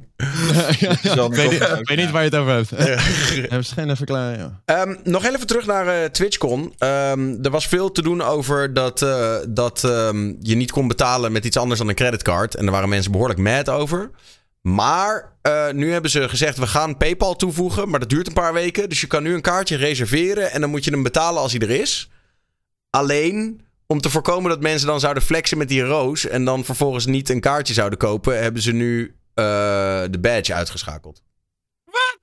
Ik Is dacht een dat het niet Systeem. Het is een tulp. copyright of zo. Nee, dat is een fabeltje, man. Nee. Oh, ik begin niet hoor, Ik zag, ik zag jou heel fanatiek reageren. Oké, er, was dus, er is dus een Nederlandse streamer. Zij streamt volgens mij in het Engels of zo. Zij doet schaken. En ze was nogal boos omdat zeg maar, haar subbadges ook een pixel tulp zijn. Maar ze deed dus alsof zeg maar, zij het copyright had op een pixel tulp. En dat Twitch het niet kon maken om die badges ook in een tulp Maar was te dit maken. serieus? Ja. Meende dat. Nou, nou ze zei twee, volgens twee mij- dagen later eh, zei ze dus van niet. Want ik, ja, god, ik, ik had er met Fems ook over. Ik ben dan designer, weet je wel. En dan zie ik zoiets. En eh, d- het lijkt in geen velden of wegen op elkaar. Ja, het, het, het is een bloem, oké. dan. En ehm, dus, dus ik had erop gereageerd, zoiets van, ja, weet je, het, het, het hele internet heeft jouw badge gekopieerd of zo. En dan nog gewoon een, een Google Image eh, Search link. Ja. En dan na twee dagen naar de originele tweet, nadat ze al allerlei trash erover had gehad, van ja, je hebt geen humor of zo. Dat ik denk van, oké, sure. Nou ja, ik weet natuurlijk niet of het echt 100% serieus was. Ja, ik weet het ook niet, was maar wel, de- eh, ze ja, zoals het schreef, was het wel redelijk. eh, er kwam geen slash S af, zeg maar. eh, die vibe ontbrak. ik heb hier geen aan. Ehm, maar, ehm, nou, ze hebben in ieder geval PayPal toegevoegd nu. Hij lijkt er wel heel erg op als dit hem. Nee, dit is hem Nee, niet. man. Oh, nee, nee, nee. Wacht, sorry. Nee, nee, nee. Dit is de Twitch tulp. Sorry. What the hell? TwitchCon, no offense with the badge, look really ugly. Lekker Daan. Hè, wat? Ja, hij lijkt er wel heel erg op. Ja, nee, maar dat is hetzelfde. Ja, nee, dat is gewoon dezelfde. Sorry, ja, nee, ik dacht, ik dacht, ik dacht, zij gaat haar eigen. Het is toch logisch dat als je dan gaat zeiken in een tweet. Oh, nu staan, hier staan ze naast elkaar. Nee, die, eh, dat is duidelijk een andere tulp. Ze moet niet zo zeiken, vind ik. Ah, het is wel zonde hoor van die badge. Want ik heb al wel gewoon in de chat mensen gehad van... hé, hey, jij gaat ook naar TwitchCon. Wanneer ga je? Welke dag? En dan al Ja. een beetje Ja, connecten met elkaar. En een beetje con- connecties leggen. En nou kan dat in principe niet meer. En we kunnen niet meer flexen op de mensen die niet gaan. Of geen kaartje Ja, hebben maar het, komt binnenkort toch wel weer terug. Ik, ik weet niet, is er Ik al ook. iets officieel bekendgemaakt? Wat, nou ja, zodra die PayPal-optie er is en mensen kunnen hun kaartje daadwerkelijk bevestigen, dan eh, komt die badge weer terug. Ja. Het is wel een beetje een het faal, een mooie Dat badge. je, dat je alleen maar met creditcard kon betalen. Ik bedoel, verdiep je een beetje in, in het land waar je je event gaat houden. Ja, maar dat het is geen Nederlands event, hè? Nee, maar het wordt toch wel in Nederland gehouden. Dat, dan denk ik ook... Ja, dit dat- keer. Maar het- ja, Nou ja, überhaupt laten Ja. we. Nee, maar dan kan, ik, dan kan ik wel zeggen. Kijk, ik bedoel, zelfs als je Nederland buiten beschouwing laat. Europa is überhaupt niet echt een creditcard-continent. nee, klopt. Maar het is ook niet heel moeilijk als je 18 plus bent om aan een creditcard te komen. Nee. Maar ik, ik heb Zeker bijvoorbeeld geen creditcard. En ik heb ook geen ene behoefte om een creditcard te kopen. Dat bedoel Dus ik. Dan zou ik speciaal voor TwitchCon een creditcard moeten halen. Wat waarschijnlijk een week duurt. En voor die tijd was het al uit. Althans, de zaterdag was het al uitverkocht. En wat ik ook Maar- vaag vond, ja. is dat, dat, je, dat je dan... De, de dag van Koningsdag of zo gingen de, gingen de normale kaarten voor niet-partners in de verkoop. Dan denk ik denk wel van, ja, verdiep je een klein beetje in dit land, man. Kom op, ik vond het wel, ik vond het wel een faal, man. Zo, in de ene hand een halve liter bier. En in de andere hand je telefoon. Waarbij je met eh, oh nee, ik ja, maar dan kun je niet meer op een goede knopje drukken. Zie dan maar eens een creditcard aan te vragen. Dat lukt niet. Ik vind niet dat je Oh. kan verwachten dat ze daar rekening mee houden. Nee, Uiteindelijk sowieso is het niet zo dat je als Nederlander meer of minder recht hebt op een kaartje. Dus eh, dat klinkt meer als een jij-probleem. Eh, en ja, dan moeten ze iedere feestdag in de wereld eh, erbij gaan betrekken. Ja, sommige landen slapen dan, terwijl de kaarten uitkomen, toch? Moet je helemaal een wekker zetten of zo. En op die factuur staat ook San Francisco. Dus waarschijnlijk zal het nog een heel gedoe zijn ook om helemaal ideal aan te maken. En om dat allemaal via banken weer bij hun terecht eh, te laten komen. Ja. Ja, oké. nee, inderdaad. eh, Rekening met Koningsdag vind ik wat te ver, te veel het goede. Maar eh, gewoon eh, een breed geaccepteerde betalingsmethode toevoegen lijkt me niet te veel. Creditcard. Nee, maar in, de, in, de, in Ja. Europa. Sowieso met die prijzen van nu is het of de halve liter bier of het TwitchCon kaartje. Dus ja, wat dat betreft. Overigens, ik, ik was wel even. Want toen vorige week iedereen zei van eh, zaterdag is uitverkocht. Toen eh, ik met mijn domme kop dacht: oh, dus dan, dan kan je helemaal niet meer op zaterdag naar TwitchCon. Maar dan moet je gewoon een full weekend ticket kopen. En dan kan je alsnog krijg je de zaterdag gewoon. Eh, Ja, wat vinden we ervan dat de, dat de kaarten echt volgens mij 50% goedkoper zijn voor partners? Dan voor gewoon bezoekers?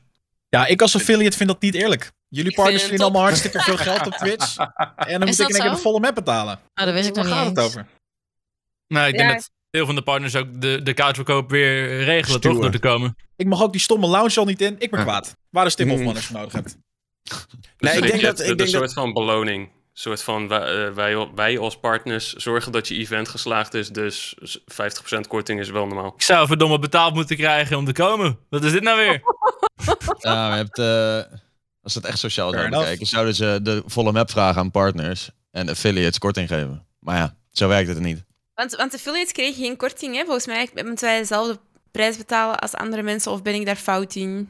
Volgens mij, eh, ik heb het niet, ik heb me er niet heel erg in verdiend, maar volgens Volgens mij mij is het dan 25% even of zo. Nee, het was de helft. Nee, dat was vorig jaar. Volgens mij is het nu hetzelfde, toch?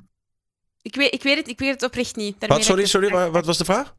Of dat je als affiliate minder moest betalen als gewone viewer of zo. Volgens mij niet. Nee. Nee, hè? Dat was toch hetzelfde? Nee, hè? maar ja, dat zou ook. Ik denk ook dat dat een slecht idee is. Want affiliate is best makkelijk te halen. Dus dan gaan Ja. mensen dat. Dan krijg je allemaal streams met eh, een zwart scherm live. Puur en alleen om die affiliate te halen. Nou ja, maar Even Berlijn was dat wel nog. viewbot erop en klaar. Nou ja, ja ik bedoel, dat, dat, dat zou je nog niet eens hoeven te doen. Het is letterlijk, je zet eh, inderdaad een stream Nee. aan. En je zet de, de- je telefoon, je iPad en je tv aan. En dan, dan ben je er al bij wijze van. Volgens mij krijg je als affiliate wel een cadeautje of zo. Ja, Je krijgt je wel krijgt... iets. eh, Echt? Ik blijf erbij dat ik, vind dat ze, dat ze de requirements voor affiliate wel gewoon moeten, allez, moeten optrekken. Ik vind, ik nee, vind die hebben ze juist verlaagd. ja, maar De- het hele idee is daar is, is dat ze mensen het platform in willen trekken en, en eh, de- een stukje binding willen creëren. ja. Met een, een, een idee van, hey, je hebt wat bereikt, dus eh, je wilt hier nu verder mee. Mm, Ik Ja, vind het wel dat is voor Twitch gewoon geld. Want ja. op die manier kunnen eh, ook kleinere creators ook gewoon wat geld verdienen met het eh, platform. Ja, toch? ja, maar nu is het echt wel, nu is het echt een beetje zoals dat Daniel zegt. Hè? Als je drie, drie bot-accounts maakt die je kijken en t- wat is het, vijf keer streamt of zo, dan heb je het al. Hè? Allee, Ja. terwijl, Ja. ik, weet niet, ik weet niet meer juist exact hoe vaak dat het was, maar als je bijvoorbeeld gewoon vaker moet streamen of een bepaalde eh, duur of iets meer viewers, dan is het wel anders. Het is een groot verschil om drie bot-accounts te maken of tien bot-accounts. Ja, even, ik zie dat Billy zegt met Maar- bots kan het niet. We hebben het hier, denk ik, wat, wat jij bedoelt met bot-accounts is gewoon verschillende accounts. en Ja, dan laat je je moeder kijken. ja, Laten we, laten we vooral niet hebben over. Want even één ding: viewbot is walgelijk. Dat moet verbannen Ja, ja, worden. ja. En daar cancelen we mensen gewoon voor. Dus laten Wow, we. wow, wow, wow, wow, wow, wow, Daan. Heb hij ook geen partner lounge in? Wat, eh, Max, eh, ik zou oppassen met dit soort uitspraken, want dit kan je Ja. je Twitch-account kosten. Ik meen het serieus. Ik Ja. zei hypothetisch, jongens. Ja, nee, maar hypothetisch. zelfs Maar hypothetisch, even- doe maar niet. Eh, Nee, nee, nee. dat, eh, ik bedoel, maar ik ik wil- bedoel ik wil nog- een bot-account gewoon een fake account dat je hebt gemaakt om u te kijken. Om naar uw stream op te zetten. Maar ma- mag ik even één ding corrigeren? Want ik zie... oh ja, sorry, wat wil je zeggen? Fem? Oh, sorry. Ja, nou, ik wilde uitleggen waarom ik denk dat Twitch dat nooit gaat verhogen. Want het doel van Twitch voor jou als streamer is om jou op het platform te houden. En eh, als je die threshold gaat verhogen, dus als je zegt van oké, in plaats van vijf keer moet je tien keer streamen en in plaats van drie kijkers moet je er tien hebben of vijf of tien of zo. Dan gaan mensen misschien sneller naar een ander platform, bijvoorbeeld YouTube, omdat je daar makkelijker eh, je monet- monetization kan regelen. Nou, makkelijker. Voor mij is het best pittig op YouTube hoor. Ja? Je moet iets van duizend uur bekeken worden per maand. Voor mij is dat Oh, best jezus. pittig als je begint met YouTube. Juist omdat heel veel mensen gewoon heel veel zooi van televisie graaien en dat uploaden. Om het een beetje Ja. tegen te gaan wil YouTube een soort filter dat je best wel wat views no- nodig hebt voordat je kan Nou ja, maar ik bedoel meer van, zij, zij moeten mensen blijven motiveren om te blijven streamen op Twitch. En ik denk Ja, dat sowieso. nu eh, met het affiliate gewoon wel redelijk goed geregeld is. Van, oké, als jij een beginnende streamer bent, heb jij best wel grote kans dat jij eh, affiliate wordt. En dan hebben we het over Nederland. Dat is redelijk nog klein vergeleken in Amerika. Als je in Amerika zou beginnen met streamen, is het, is het veel moeilijker, denk ik, om kijkers te krijgen. Want je zit daar in een miljoenen vijver van, eh, van mensen. Ja, precies. Ik wil nog even zeggen, ik zag iemand tegenwoordig de... al niet. Ja? Sorry? Is het sowieso Ja, tegenwoordig al niet? Classic. Nee, nee ik, maar ik, ik zette zijn zin voort, zodat hij hem kon afmaken. Ah, oké. Is Ja, het tegenwoordig sowieso al niet?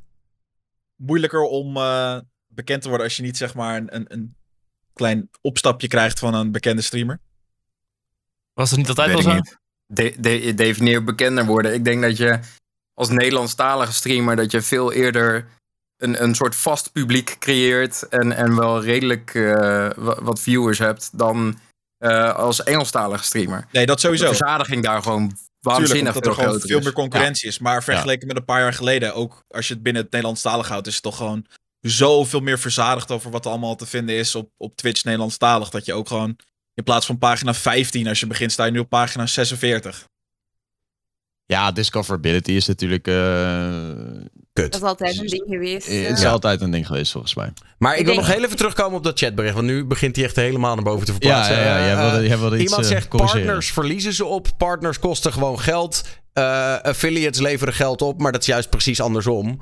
Eh, omdat als jij namelijk heel weinig kijkers hebt, dan, lever je, eh, dan kost je wel infrastructuur. Want op het moment dat jij live Ja. gaat, moet jouw stream wel naar alle regio's gepusht worden, et cetera. Ehm, maar lever je in principe niks op. Dus het zijn wel degelijk, in ieder geval, eh, mijn, mijn informatie is een paar jaar oud, maar dat zal niet veranderd zijn. Eh, het zijn wel degelijk de partners die uiteindelijk het geld binnenhalen. En dan ook nog eens de best bekeken partners. Want dan kan je schalen. Kijk, op het moment dat XQC zoveel kijkers heeft eh, wereldwijd. Die hoeft natuurlijk, zijn stream hoeft maar één keer naar elke regio toe. En vanaf daar kan hij naar de kijkers gesplitst worden. Maar ook een streamer met twee kijkers moet naar iedere regio gepusht worden. Terwijl die misschien alleen in Europa bekeken wordt. Dus dat is allemaal overhead, infrastructuur. Dat kost allemaal heel veel geld. Eh, maar goed, over het, eh, het, het, het geldaspect van Twitch komen we zo nog wel even te spreken. Ehm, in ieder geval, TwitchCon komt eraan dus. En eh, ik hoor dat er, eh, dat, er een, eh, dat er inderdaad nog wat discussie is over eh, of streamers nou moeten betalen of betaald moeten worden. Nou ja, dat vechten jullie inderdaad maar uit op, eh, op TwitchCon. Even iets anders. Eh, dingetje wat terug is gekomen uit, ehm, uit de hele coronatijd. De Texas A&M University heeft dit onderzocht. Thuiswerken maakt niet minder productief. Hè, werkgevers? Eens. Ja. Zeker eens. Eens. Kan, ik kan hem Weet bijna niet niet. geloven als ik eh, weet hoeveel mensen zeggen vandaag dagje thuiswerken, oftewel helemaal niks doen. Ik heb ook best wel wat vrienden gesproken die toch wel.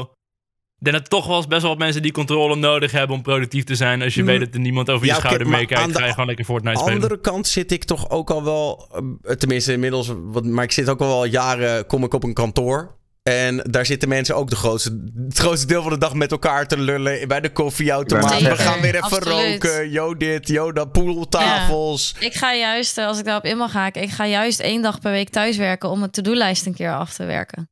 Want op kantoor komen, komen collega's om de zoveel tijd binnen voor vragen, voor dit. Of dan moeten ze toch spoedjes hebben of er snel mogelijk antwoord. Dan lopen ze naar je bureau toe. En thuis, dan ja, kan ik het gewoon echt helemaal afwerken. Op mijn eigen tempo en op mijn eigen moment. En dan bel ik die collega wel terug op het moment dat ik dan weer met doel van dat moment heb afgewerkt. Ik denk dat het een beetje afhangt van hoeveel, eh, hoe gemotiveerd je bent voor je werk. Als jij je Ja, werk heel tof vindt en graag je werk verder wil zetten, dan kan dat thuis ook. En als jij je werk kut vindt en je wil gewoon naar huis en zo min mogelijk doen, dan is thuiswerken een kans om lekker niks te ja, doen. er zullen, er zullen 100% mensen zijn die inderdaad gewoon lekkere potjes zitten te gamen terwijl ze aan het thuiswerken zijn. Absoluut. Maar die voor mensen zullen toch het op hun werk net zo, zich net zo gedragen? Ja. Maar dan heb je misschien meer die controle. De, toch de ogen van je baas in je- die in je rug branden. Van, oh shit, straks ziet hij dat ik eh, iets anders aan het doen ben. Ja, maar ik heb nu sinds kort een eigen bedrijfje. En ik ben wel op zoek naar kantoor, omdat ik zeg maar wel het gevoel heb dat als ik dan thuis ben, dan heb ik niet echt het idee van oké, ik, ik moet aan het werk. En als ik dan echt op een kantoortje ben, denk ik van echt oké, ik ben nu op werk, we gaan echt even aan de bak. En als ik thuis ben, kan ik dan ook gewoon lekker relaxen en mijn ding doen. Lekker van je afzetten op het moment dat je thuis bent. Precies. Ja, Ja. ja. ik, dat is ook de reden dat ik nu een studio buitenshuis ga zoeken. Omdat ik merk dat ook als je, als je muziek moet maken, creatief moet zijn. eh, en het loopt allemaal heel erg in elkaar over. Met mijn streaming setup daar ook naast. En eh, een koffiezetapparaat in de buurt en zo. Nou, nu zou ik die op in mijn studio ook wel neerzetten dan. Maar het is toch wel een fijn idee dat je ergens heen kan. Daar je werk kan doen. En dan thuiskomen. En dat, dat het dan, zeg maar, morgen weer verder. Nee, dat snap ik. Want inderdaad, zoals je wat jij hebt, dan, dan stopt je werk ook nooit. Want dan Nee. Blijf je inderdaad in je... En dat is ook wel, ik denk dat vijf dagen thuiswerk, wat we natuurlijk met COVID hadden, dat is weer de hele andere kant. Dat is ook weer absoluut niet goed, denk ik. Ik denk dat de balans daarin gewoon goed is.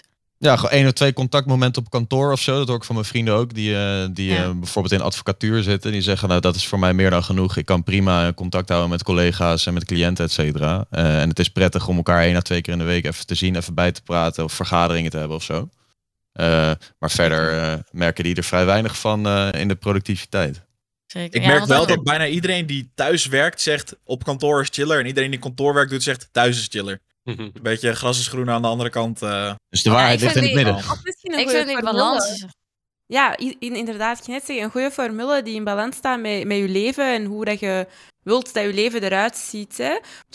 Ik werk misschien soms wel zeven dagen in een week. En dan zou ik heel graag eens een keer thuis mijn administratie willen doen in plaats van op het werk, waarbij je continu gebeld wordt voor kleine dingen. Kun je gewoon niet verder met je werk. En wat gebeurt er? Dan moet je eigenlijk s'avonds nog een administratie doen en dan moet je overwerken en dan ben je gefrustreerd. En eigenlijk zou het veel toffer zijn als je één of twee keer in de maand gewoon thuis admin zou kunnen doen, bijvoorbeeld. Allee, ik spreek dan gewoon voor mijn eigen werk, hè, maar het is een Nou, beetje de balans van wat dat jij en wat, wat in uw job mogelijk is en haalbaar voor uw persoonlijkheid. Ja, dat staat voorop. Maar wat ik, wat ik heel veel. eh, wat, wat mijn idee heel erg is, is dat er nog heel erg aan het, het, het soort eh, acht uur op een dag vastgehouden wordt. Terwijl je kan acht uur op een dag naar een scherm zitten staren en dan geen kut gedaan hebben. En wat heb je dan bereikt? Ja, je hebt je, je uurtjes gemaakt. Ja. En ik merk dat bij mij eh, op kantoor, eh, de- ik werk eh, in de IT, maar in, in een redelijk oud bedrijf, moet ik maar eh, het even noemen. En ik, ik merk dat als ik daar op kantoor ben, dan wordt er heel erg gelet op van hoe laat tot hoe laat ben je er. En eigenlijk amper op wat heb je nou werkelijk gedaan in die uren. Ja. Als ik thuis werk, ik heb dagen dat ik gewoon helemaal niet me productief voel, dan met andere dingen in mijn hoofd bezig, waardoor ik me gewoon niet kan focussen. Kan ik op kantoor net zo niet. En thuis heb ik veel eerder zoiets van, nou ja, weet je, eh, fuck it, morgen verder. En dan heb ik een keer een paar uurtjes minder gewerkt. Maar de volgende dag heb ik ineens een idee. En dan doe ik in drie uur doe ik voor twee dagen werk in feite. En dat wordt nog heel erg niet gezien of zo. En als jij je dag gewoon indeelt naar hoe dat voor jou prettig is. Als jij smiddags eh 2,5 uur wil gaan lunchen of boodschappen doen of weet ik veel wat. En daarna ga je weer verder en s'avonds doe je nog wat.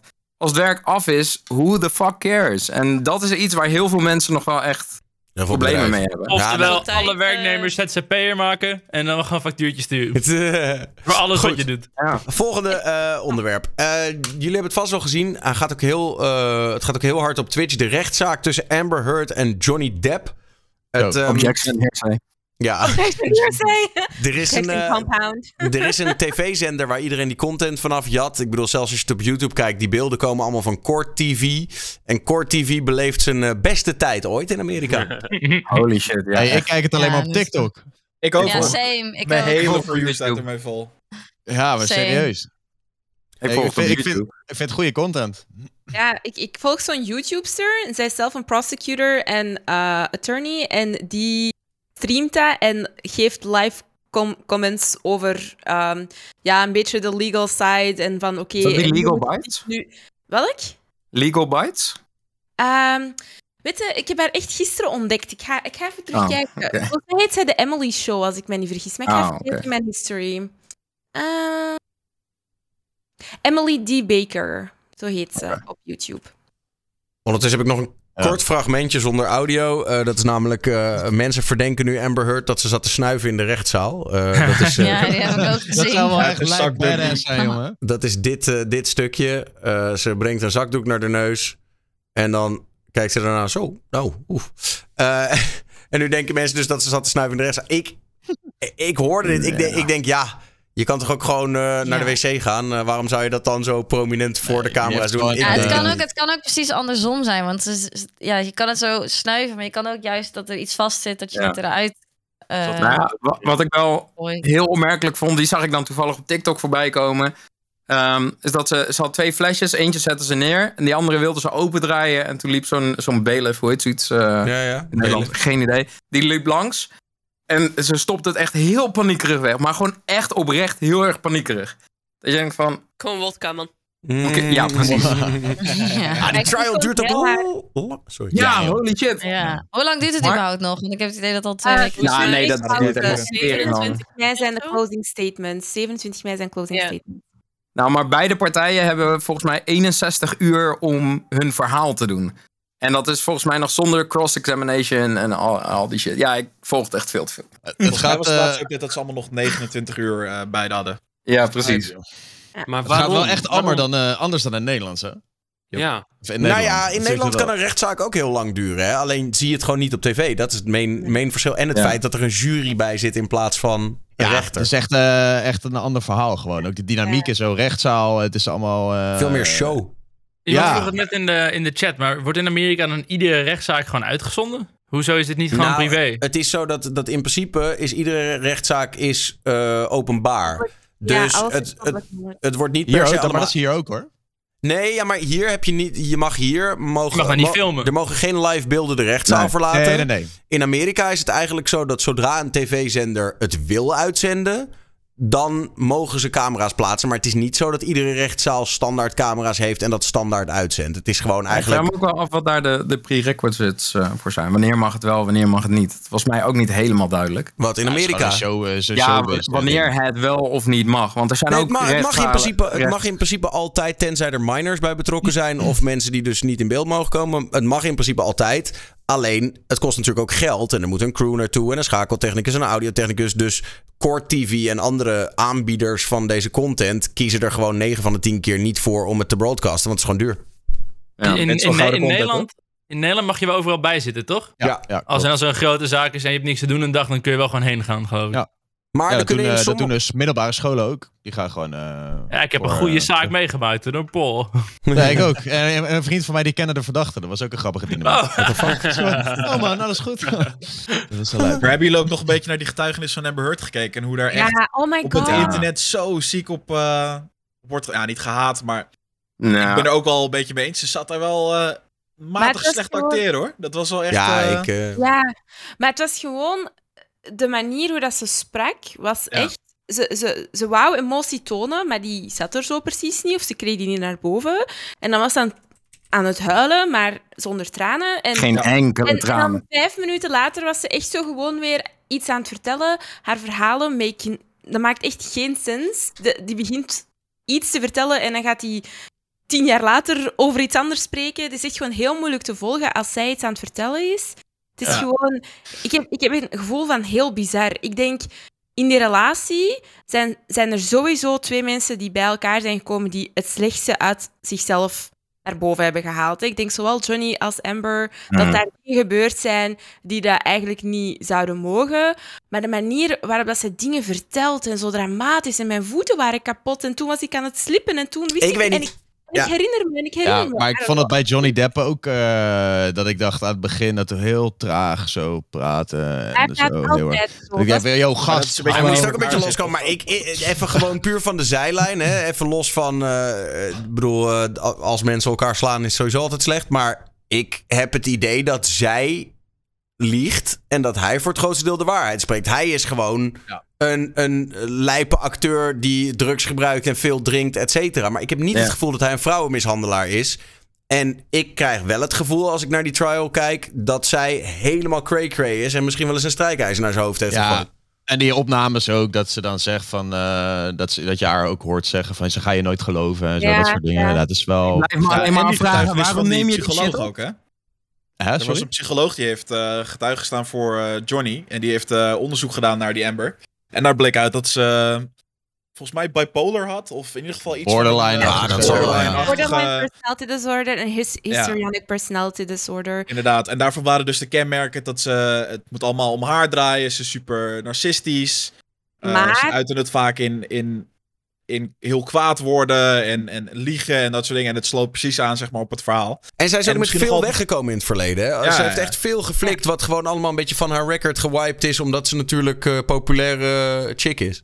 Zij is in een relatie met Kate Moss is al een keer gearresteerd voor eh, huiselijk geweld. Ja, ja, klopt. Maar in die, in die, in die testimony van die, eh, van die psycholoog zitten wel een aantal dingen waar je wel rekening mee moet houden. Hè. Dus toen dat het team van Johnny Depp ehm, die psycholoog had aangegeven van deze persoon gaat testifyen dat dit en dit eh, waarschijnlijk diagnoses gaan zijn, toen zij dat bewijs hadden aangeleverd, was zij eigenlijk nog niet onderzocht door die psycholoog. Dus er was eigenlijk toen nog geen diagnose gesteld. Ehm, nu, ze weet wel nog niet exact waar dat ze die twee diagnoses dan vandaan hebben gehaald. Wie weet was zij in het verleden al gediagnosticeerd en wou ze het nu gewoon nog eens een keer bevestigen. Dat kan. Maar dat is dus niet geweten. Ehm, Maar, maar als dus ik daar heel even op mag inhaken? Dat, dat, dat kan natuurlijk toch ook gewoon. Je kan toch ook.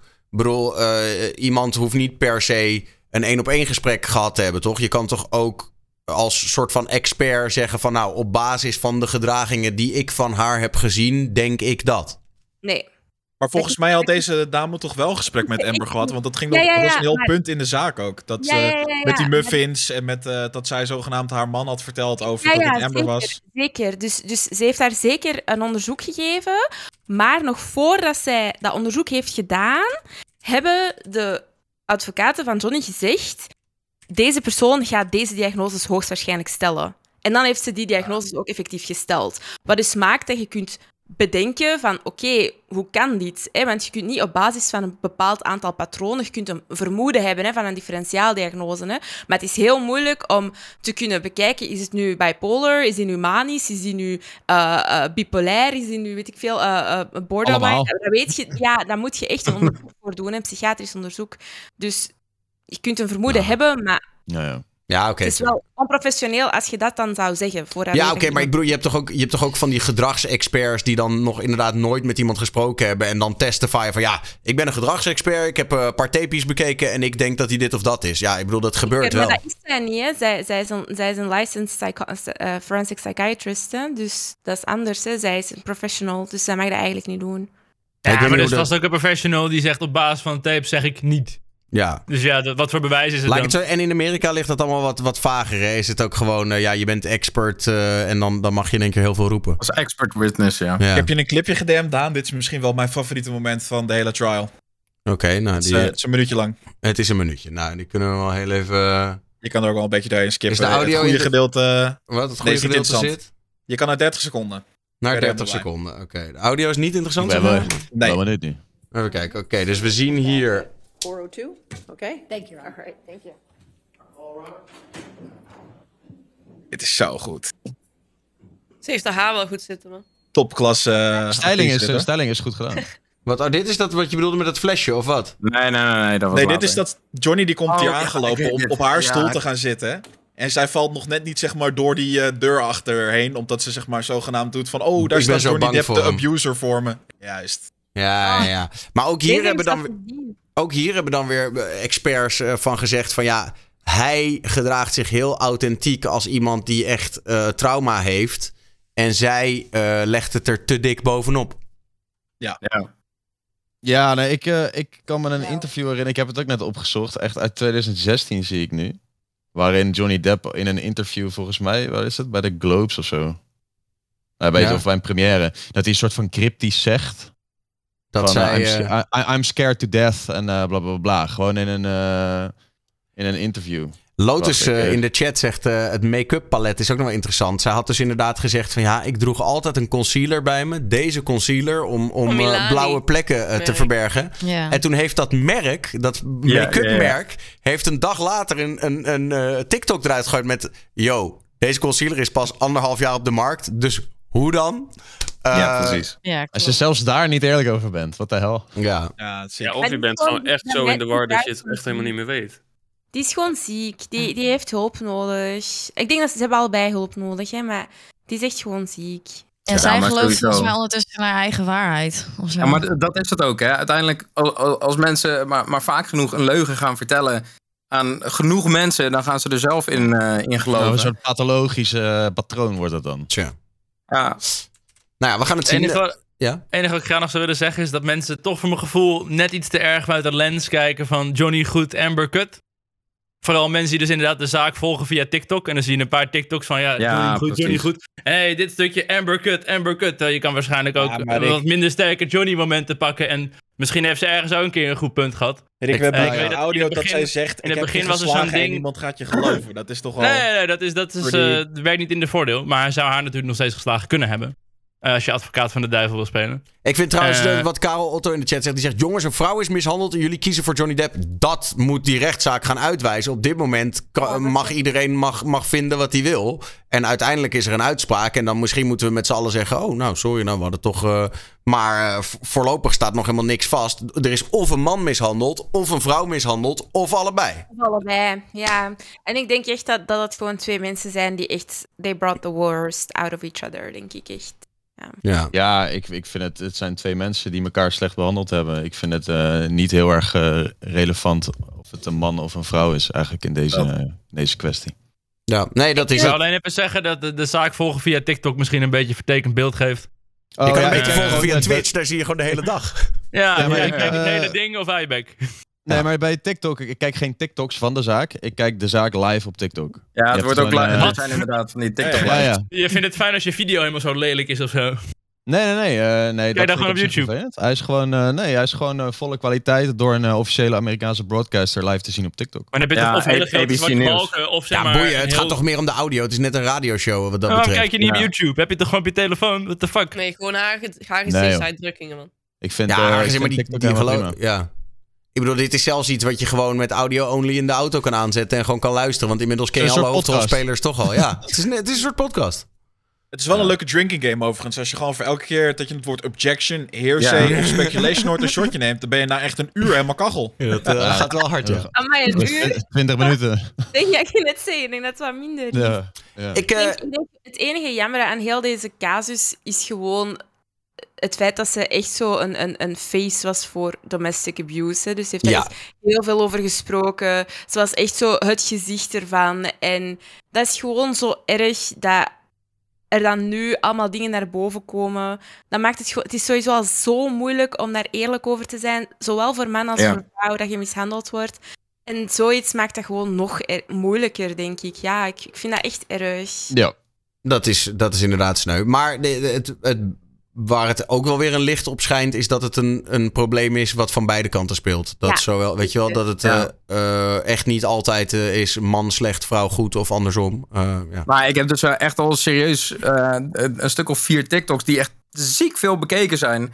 Eh, die al meteen riepen van ja, vanaf nu gaan mannen dit gebruiken als excuus om eh, te zeggen van ja, vrouwen, vrouwen liegen alles bij elkaar. Dan denk ik ook van ja, Ja. ben je ook niet goed bezig. Of in, in de insinuerende TikTok zag ik ook al voorbij Ja. komen. Van, eh, heb je ooit nog zoveel, heb je ooit zoveel mannelijke aandacht gezien voor een eh, assault case en zo en dat soort dingen dat je denkt. Ik hoop dat het de trend van, eh, van guilty until proven innocent, zeg maar, eh, Een beetje verhelpt. doorbreekt, ja. Daarover gesproken, heb je het meegekregen van de Jos Brechtzaak? De, Nee. die, die, die, dit was toch de pedo drie hele zwemleraar? Nee, nee, Jos B. Nicky Verstappen. Oh, die, sorry. Ja, Ja, ja. de, Er- er zijn dus drie, nu he- drie hele grote Nederlandse advocaten die zeggen dat. eh maar wacht even, voordat je, voordat, je dit is. gaat, voordat je dit gaat vertellen. Dus eh Nicky Verstappen was een... eh, le- zet nog heel even, leg nog heel even Een uit. scouting. Eh, eh, jong- jongetje op scouting. de scouting, die is op een gegeven moment eh, ja, waarschijnlijk verkracht en vermoord gevonden door eh, Jos Brecht. Zegt hij ook in zijn eigen verklaring. Ja, en er Hij was zegt, ook ja, later DNA-bewijs, toch? Ik, ik, ik, ik heb wel zedendelicten gedaan, maar dat kindje was al dood toen ik hem vond, zegt hij eigenlijk. En dat vinden mensen ja, niet heel geloofwaardig, aangezien. En zijn DNA zat in het onderbroekje van Nicky, bla bla bla bla bla. Maar nu zijn dus drie hele grote Nederlandse eh, ja, gerechtsexperts die eigenlijk zeggen dat er te weinig bewijs tegen hem is en dat hij eigenlijk nog vooruit zou moeten gaan. Ondanks dat er natuurlijk een hele grote nationale druk is op, ja, joh, het is sowieso die gast. maar is hij nog niet veroordeeld eh, dan? Hij is veroordeeld. Maar dus nu zeggen zij dat, er gewoon, dat hij veroordeeld is omdat er zoveel maatschappelijke druk was. En niet omdat er genoeg bewijs was. dat zou hij heeft wel eh, ap- toegegeven. aparte Dat het scenario geschetst door, eh, door het ministerie, of door, door, de, eh, door de vervolger, is eigenlijk minder waarschijnlijk dan zijn eigen getuigenis. Dit was de, de zaak van Peter R. de Vries toch ook? Eén van de, ja. Ja.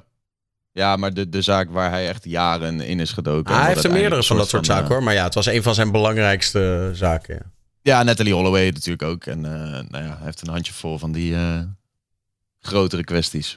Tja. Nou ja, ik bedoel, eh, dat, dat het blijft natuurlijk... Ik denk dat eh, een rechtssysteem is natuurlijk nooit perfect. Het blijft hartstikke lastig om een, om een solide conviction te krijgen. En dat... eh, nou ja, goed. Maar het zou nooit onder maatschappelijke druk moeten. Dat is een beetje Nee. het punt van, van Rick, Denken jullie denk dat ik. dat meespeelt? Tuurlijk speelt dat Zeg mee. maar zo'n. Tuurlijk speelt het mee. Dat er, ik bedoel, we hadden toch van de week hadden we nog het OM... die, eh, die op basis van het Johan Derksen verhaal dachten... wij moeten even een statement eruit gooien dat we hier eh, mee bezig zijn. Wat ook bij veel mensen in het verkeerde keelgat schoot. Maar goed, eh, ik heb nog wel één, één justitieel topic. De festivals zijn weer begonnen. En sommige festivals doen tegenwoordig ook panels. Dus los van dat je lekker kan staan feesten... komen er dan een paar gasten komen... of over politiek praten of over andere dingen. En ik kwam een panel tegen eh, van een aantal experts... en die ging praten over het legaliseren van drugs... terwijl daar allemaal mensen met zulke ogen naar dat panel zaten te kijken. Dat was natuurlijk... was the crowd. ja, was heel funny natuurlijk. Ehm, en mijn vraag is: zou het legaliseren van drugs bijdragen aan minder zware criminaliteit? Ja, Absoluut. Ehm, ja, Ja, dit is die eeuwige discussie, ja. als we kijken naar ecstasy in Nederland, eh 90% is export. Kunnen we het dan in Nederland gaan legaliseren, maar zonder EU-beleid schiet je drie keer niks op. Ja, ik denk dat uiteindelijk. Mijn, Ja, mijn kan- visie is dat begin zijn. uiteindelijk wereldwijd dat je dat. Bedoel, de war on drugs heeft gefaald. Dit werkt niet. We moeten iets anders proberen. Decriminaliseren werkt. Ja, uiteindelijk eh, moet er toch een soort van eh, oplossing zijn. Het enige wat ik me dus wel afvraag met deze vraag is de zware criminaliteit. Verschuift dat dan niet gewoon naar iets anders? Eh, ik, ik kwam een, eh, kwam een statistiekje tegen dat, of nee, dat zat in dat panel. eh, dat, dat vertelde een van die gasten. eh, van ja, op een gegeven moment werd het eh, inbreken in auto's in Engeland veel moeilijker. Omdat iedereen een alarm nam. En omdat nieuwe auto's moesten verplichten aan zoveel veiligheidseisen voldoen. En die moesten zo'n stuurslot hebben en zo. Eh, en toen gingen de eh, eh, gewapende overvallen enorm omhoog. Omdat ja, criminelen. We gingen het ergens anders zoeken. Ja. Ja. Het zal vast wel verschuiven, maar ik denk dat zeg maar de hele drugscultuur, de illegaliteit daarvan, heel veel andere criminaliteit ook faciliteert. Qua geld en dat soort dingen. En ook eh, criminal criminal crimes, zeg maar. Bendes die met elkaar oorlog gaan voeren om, om territorium en dat soort dingen. Ja, als je niet het territorium hebt eh, waar je in verkoopt, dan kan je er ook niet om vechten met elkaar. En de hele situatie in Rotterdamse havens. Welke, welke drugs gaat je dan allemaal legaliseren? Alles. Hè? Gaat het over... Alles. dus, dus, dus ook heroïne en al dat. Ja, maar je, voor heroïne is een mooi voorbeeld. Want als je dus gaat kijken naar eh, heroïne, dat eh, was natuurlijk eh, lang allemaal verboden, verboden, verboden. En op een gegeven moment heeft, meerdere landen hebben dit gedaan, maar op een gegeven moment heeft Engeland gezegd, weet je wat, we gaan het eh, legaliseren. Eh, en dat betekent niet dat je het aan minderjarigen gaat verkopen of in de supermarkt of whatever. En dat betekent ook niet dat je er in één keer reclame voor mag maken. Voor, oh, koop, maar dat betekent dus gewoon dat mensen konden eh, naar de apotheek om daar dan te zeggen, nou, ik ben verslaafd aan heroïne en ik heb heroïne nodig. Dan kregen zij dus schone naalden, goede heroïne, et cetera. Op een gegeven moment heeft Engeland van 10.000 verslaafden dat teruggebracht naar 300 heroïneverslaafden door het legaal te maken. Dus dat, dat lijkt mij toch wel een soort van, van eh, eh, voorbeeld dat het werkt. Het blijkt dat wij hier in Nederland eh, per, dat, dat wij hier minder drugsverslaafden hebben dan bijna andere plekken, al, allerlei andere plekken op de wereld. Maar- omdat we er zo makkelijk mee omgaan. Is toch ook een beetje van al- als het niet mag, dan is het spannend en dan, dan ga je het doen. En Ja, maar nu heb je het echt over de verslaafden. Maar het gaat over de criminaliteit. Nou, allebei ja, maar natuurlijk. dat gaat ermee hand in hand natuurlijk. Ja, En die het is crimineel wel- verkoopt het natuurlijk gewoon aan een verslaafde, toch? Een beetje vraag en aanbod verhaal. Kip en ei. Ja, het is wel grappig. Het, het, het is absoluut geen, geen bron van waarheid. Maar ik keek laatst eh, de Blacklist. En dan was er een aflevering dat eh cocaïnehandel eh, helemaal niet meer interessant was voor sommige kartels. Omdat daar gewoon zoveel eh, dealers voor waren dat dat niks meer opbracht. Dus waren ze avocado's eh, eh, aan het... aan het ah, ja, ik weet niet helemaal hoe ik het moet verwoorden. Maar het, het kartel vormde zich rond avocado's, zeg maar. En dat bracht Vooral dan de tering fit van- girls met een avocado Maar- toast. je had, je had nog steeds eigenlijk al hetzelfde. Gewoon eh, de, met drugs, weet je wel, de, de verkoop, het smokkelen ervan, eh, de, de, de, de moorden die eromheen gepleegd worden om, om concurrentie uit te schakelen, allemaal dat soort dingen. Dus ik denk dat je dat ook wel. Ik weet niet of dit echt een ding is overigens. Chat, maybe, anyone. Ehm, maar dat gaat dan ook gebeuren. Uiteindelijk Ja. verschuift het naar iets anders waar dan op de een of andere manier meer geld mee te verdienen valt. Ja, De, maar ik bedoel de liever... criminaliteit eh, op zich ga je natuurlijk niet eh, verhelpen hiermee. Maar ik denk dat die gevaarlijke situaties in bijvoorbeeld de Rotterdamse haven en zo. Als je dat eh, eh, op een bepaalde manier in goede banen weet te leiden. Dat er in ieder geval meer controle over is. En ik denk dat vooral controle eh, inzichten geeft die best wel belangrijk kunnen zijn voor de volksgezondheid. Maar dat verschuift toch ook weer naar, naar iets anders. Ik denk inderdaad dat Nou, volksgezondheid... ik denk, dat dat nou, de- ik, denk, ik ben het wel eens met het punt van Max. Dat uiteindelijk is het natuurlijk wel zo dat. eh, door deze markt is volgens mij. van alle criminaliteit levert dit op dit moment het meeste geld op. samen met wapenhandel. Eh, dus je neemt wel gewoon een heel stuk geld weg. Wat in één keer, zeg maar, waar je belasting over gaat betalen. Waar je allerlei voorlichtings- en hulpprogramma's van kan betalen. Waar je misschien nog eens een keer een, eh, een treinspoor van kan renoveren. zodat de treinen een beetje op tijd rijden. De- dat is natuurlijk wel het, het idee. Minder geld in de criminaliteit zorgt er ook voor dat het minder interessant is natuurlijk. Ja, maar qua belasting kunnen we natuurlijk ook heel veel doen. Op het moment dat we. Weet je, dat we Ja. dit in het eh, legale circuit een soort van weten te integreren. Maar stel dat dat, ze een- 21% gaan heffen voor over die pillen die we exporteren. Dan rijden we echt allemaal op gouden snelwegen. Dat is echt niet normaal. Dat, dat- dan hebben wij ons eigen OPEC. eh, maar dan. eh, Ja, Maar ja, dat kunnen andere landen zelf ook produceren natuurlijk. Op het Ja. moment dat de illegaliteit weggaat, is het voor ieder land net zo makkelijk om eh, een paar pillen uit te pompen. Nee, maar wij hebben die goede spullerik. maar ik wil Nessie nog wel even horen. Want Nessie is altijd wel re- redelijk fel tegen dit soort dingen. Die heeft zoiets van: je moet het ver weg houden bij de mensen. Ik, ik, ik, ik, heb, mij, ik, heb, ik heb me erin verdiept, want ik weet de laatste keer dat we het hierover hebben gehad, was een hevige discussie. Nu, ik, ik denk zeker het legaliseren van drugs in die zin dat je kunt controleren wat, wat het product is, wat de inhoud van het product is, dat je controle hebt over eh, hoeveel milligram of, of, of, of, microgram dat je van iets geeft aan een persoon. Hè. Dus het product dat je aflevert is gecontroleerd. In die zin snap ik het en denk ik dat dat eigenlijk beter is dan als je naar de straathandel trekt. Dat is beter voor de volksgezondheid. Gaat je hiermee criminaliteit de kop inslaan? I don't know. Want ja, je gaat moeten nadenken, oké, hoeveel product gaan we mogen leveren per persoon, per individu? Als er bijvoorbeeld er eens een feestje is, moet iedereen dan zijn eigen pakje drugs gaan halen? Of uh, geef je het dan aan één iemand? Allee, nee, ja, maar weet je wat, wat, wat wel is? Ik denk dan zo van, ja, uiteindelijk, we hebben hier in Nederland een soort uitspraak van, ja, het is er sneller dan een pizza. Uh, weet je, en dat is ook echt zo. Uh, de, de, het is er letterlijk sneller dan een pizza. Dus dan heb je toch liever dat je gewoon letterlijk weet hoeveel er doorheen gaat. Dat je de cijfers in de gaten kan houden. Dat je, weet je wel, Kwaliteit. voorlichtingscampagnes van jongens. Eh, weet je, je kan gewoon commercials op tv draaien. Van yo, kook, het sloopt je leven, bij wijze van. En daarmee mensen uiteindelijk beïnvloeden om, om, om betere keuzes te maken. In plaats van het allemaal een beetje in die achterkamertjes te houden, toch? Aan het alcohol en tabak uh, heb je hetzelfde. En er zijn toch ook nog steeds heel veel mensen die, die, die roken. Heel veel jongeren die nog steeds roken. Ja, maar dat is wel echt... Maar, dat, gaat, uh, dat gaat wel heel erg naar beneden. Zeker jongeren. Ja. En, dus en vergeet niet, hè, ik bedoel, we hoeven niet dezelfde fouten te maken als met roken. Toen roken uh, opkwam hadden we overal Marlboro op staan. Op alles. Er liep een Marlboro Man door de straten gratis pakjes uit te delen. Het was echt niet normaal. Weet je, de, bedoel, je niet meer indenken. Daar hebben we van geleerd. Het, het, moet natuurlijk niet zo zijn dat, dat bij wijze van drugsmerken uh, reclame mogen maken op televisie of in bladen. Nee, dat moet je, dat moet je heel erg. Uh, weet je, net als. Ja. Het is een beetje appels met peren vergelijk, toch? Want een, een, peukje doet heel wat anders met je dan een nakje kook. Uh, en dat vind ik een beetje appels met peren vergelijken. Omdat, Hoezo? Als jij een, een peuk, ik zeg het in de goede zin, zeg maar, van, als jij uh, een peukje rookt, dan word je daar toch niet, dat is veel laag, lager drempelig dan een nakje kook, zeg maar. Het is ook Daarom vroeger, is bijna dus al onze ouders hebben allemaal vast gerookt. Maar ik denk niet dat ze allemaal vast uh, aan de snats hebben gezeten.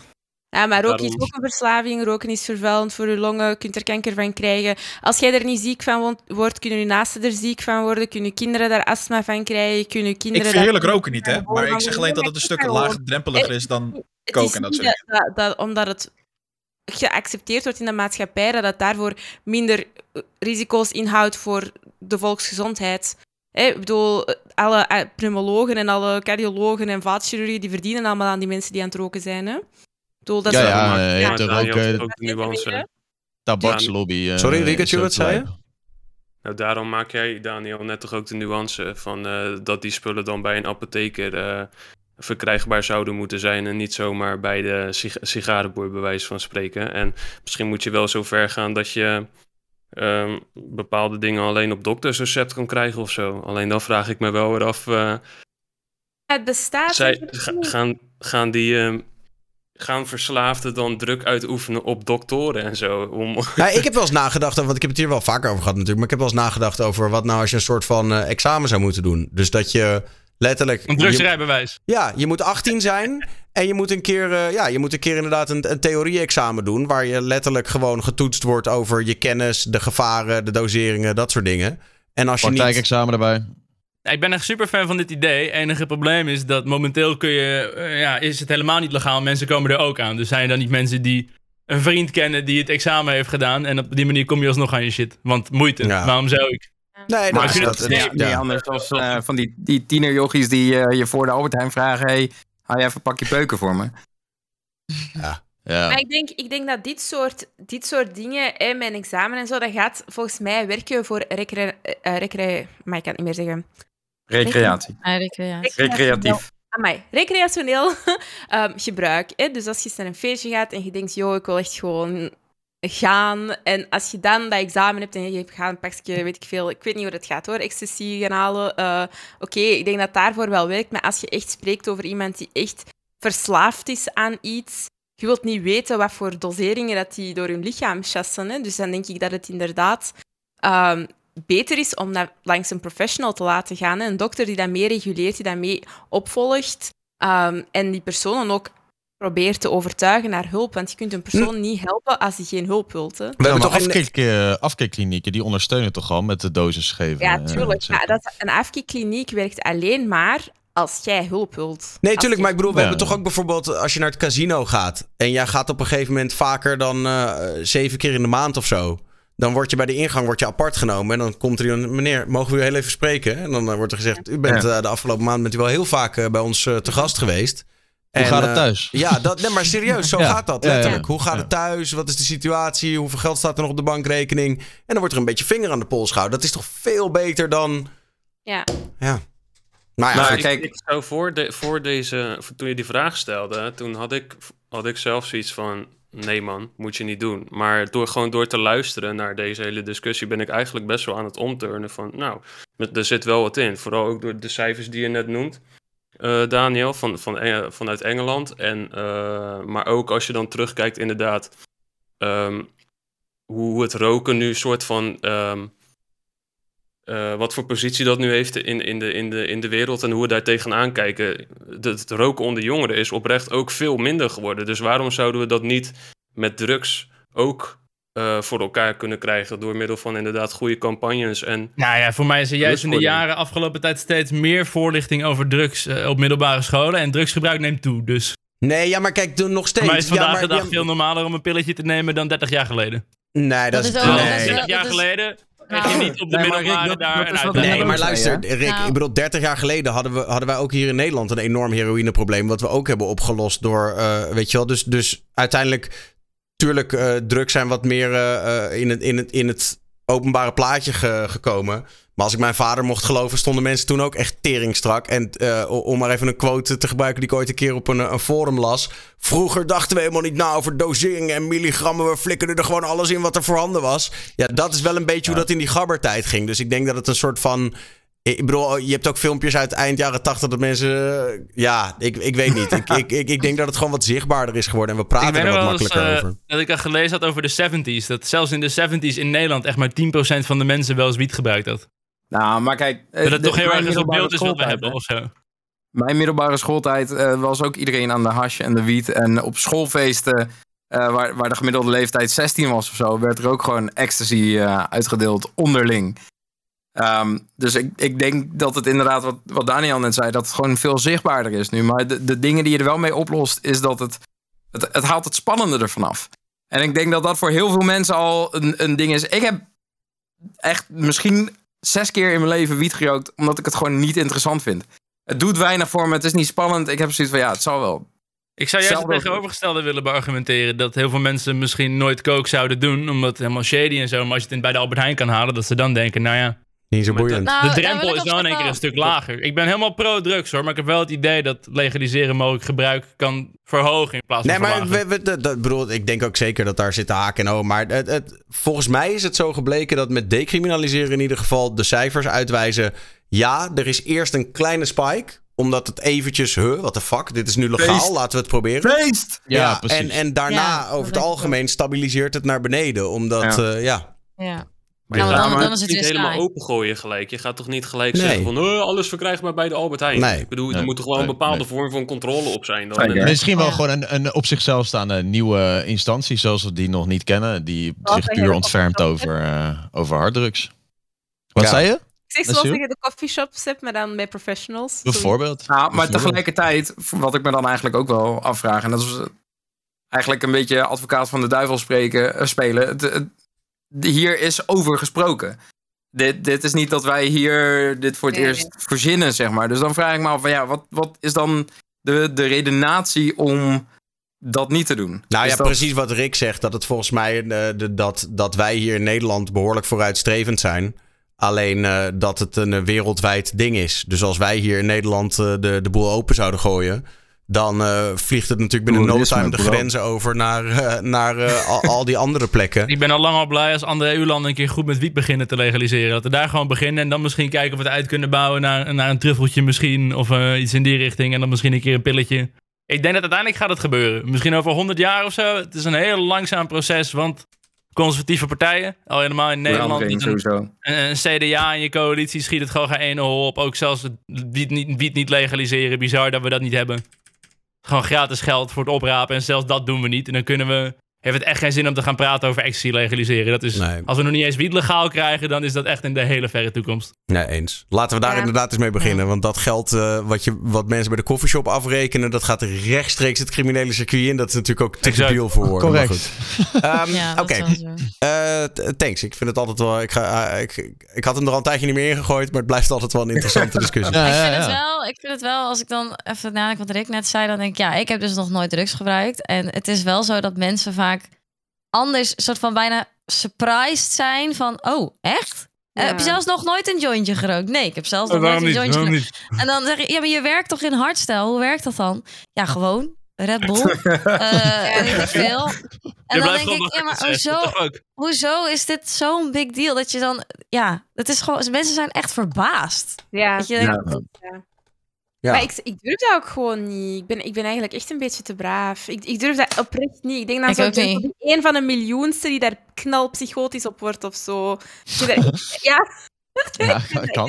echt van, ja. Ik vind het ook gewoon totaal niet chill om controle te verliezen. En ik ook Maar Nee, ik ook niet. Ik ook niet. Daarom drink ik zo meer mogelijk. amper. Ja, maar Amper. daar ik heb ik, ik vind wel bij alcohol, bij drinken, je, je, je neemt gewoon slokken en je voelt het gewoon. Je hebt gewoon, ik heb altijd zo'n momentje dat ik denk, oké, tot hier en niet verder. Nou, ik ik denk dat Nee, jij- maar als jij iedere keer een hijsje wiet neemt en een paar minuten wacht, kun je ook best wel een grens opzoeken, denk ik. Ja, Net zoals met, dat. met alcohol Nou, gebeurt. ik, ik wil Ik wel toch heel even, bedoel, ik, eh, ik heb echt wel een, eh, een vrij wilde jeugd gehad en ook wel van alles en nog wat geprobeerd, eh, behalve de echte extreme. Maar ik kan wel zeggen dat alcohol echt wel een van de hardste drugs is die er te verkrijgen is, waarmee ik by Ja. far het meest de controle verlies. Eh, en, Ik en, vind en alcohol echt niet, eh, niet minder heftig per definitie dan, eh, Dat vind ik dan echt. waar we het net over hadden. dat is echt, eh, dat, dat kan echt heel erg heftig uit de hand lopen. En, en ja, dat andere dingen waarvan Maar mensen. Misschien is dat alweer het eind van de discussie waar we het net over hadden. Alcohol is legaal, dus heb je zoiets van, oh, het ligt bij de Albert Heijn, dus dan hè, eh, probeer je het. Want anders had ik waarschijnlijk alcohol. Ja, want Ja. anders had ik waarschijnlijk alcohol ook nooit gedurfd, om het zo maar te zeggen. Want de reden waarom ik geen drugs doe, is omdat ik het gewoon letterlijk ben gewoon te pussy om het, om het te doen. Dus waarschijnlijk had ik dan hetzelfde gehad bij alcohol. Maar Alleen ja, dat ligt wel in de Albert Heijn. Maar ja, dat hebben we ook verkeerd aangepakt. Hè? Want het feit dat we daar reclame voor maken en dat het cool wordt gemaakt en in mooie flessen zit en zo, dat is eigenlijk ook helemaal niet oké. Weet je wel, als je. de- ik, ik, nog bedoel, ja. Dat, eh, maar ja. Ja. heel ja. En eh, hoe, hoe normaal het is om... eh, oh ja, ik ben brak vandaag. Want ik heb mijn lichaam gisteren acht uur lang achter elkaar vergiftigd. En ik heb hoofdpijn nu en ben uitgedroogd. Oh ja, shit man. Ja, eh, doe maar rustig aan vandaag. Ik ook. je hebt, terwijl je lichaam geeft gewoon aan... Je lichaam geeft gewoon aan... Yo, het gaat slecht. Dit is niet goed voor me. Mag ik trouwens nog één ding zeggen? Want dat was wat, waarom ik hem er vandaag weer op had gezet. Wat mij echt pijn doet iedere keer. Is, ik, ik zat een docuutje te kijken. En dan zie je zo'n jongen van, eh van 223. En die heeft zich laten verleiden om voor een groot drugskartel eh, een kilo kook te smokkelen. En die, die jongen, die, weet je wel, die is gewoon opgegaan in geld, bla bla. Ik zeg, ik probeer het niet goed te praten. Maar zijn hele leven is zeg maar klaar en. Eh, eh, en dat is, wat mij betreft, had dat niet hoeven gebeuren. Zeg maar, weet je wel. Hij, we, er is een andere manier, een andere situatie waarin we minder levens naar de kloten helpen. En dat, dat doet mij gewoon iedere keer soort van dat ik denk. Jezus, wat zonde. En uiteindelijk, je, je lost er ook geen kut mee op. Want voor hem staan er weer drie andere 20-jarige gasten op. Waarvan er ook weer twee eh, uiteindelijk de bak in draaien en hun hele leven naar de kloten helpen. Dus ik, ja. Maar 20, Daniel. Mijn papa, mijn papa die heeft heel lang in Borgerhout gewerkt. En Borgerhout in België staat er zo'n beetje bekend voor dat daar zo wat de, de rough people eh, wonen, de drugskartelletjes en zo. En ehm, hij zag echt gewoon achtjarige jongetjes die van school pakjes aan het bezorgen waren, waar dus whatever in zat. En dat is echt, die, die kinderen die groeien gewoon op in dat milieu. En die gaan ook gewoon allemaal vroeg dood, omdat die gewoon neergestoken worden of er gebeurt iets of eh, afrekening of weet ik veel wat allemaal. Die, die, die, vertelt echt van, ik heb echt de helft van die kinderen zijn gewoon niet groot geworden. Dat is echt super erg. Dat is echt, ja. Ja. maar ja, als we dat zouden kunnen ver...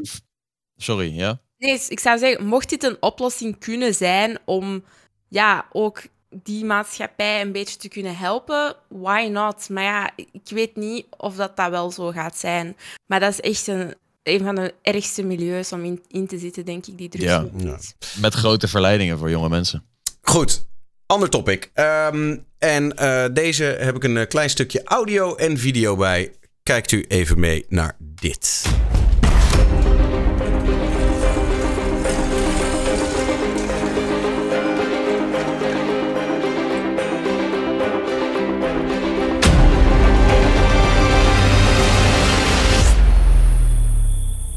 This is where it all started. In a tiny shed in my parents' backyard. I never planned on becoming a streamer. I just wanted to play some games and make some friends. And I did.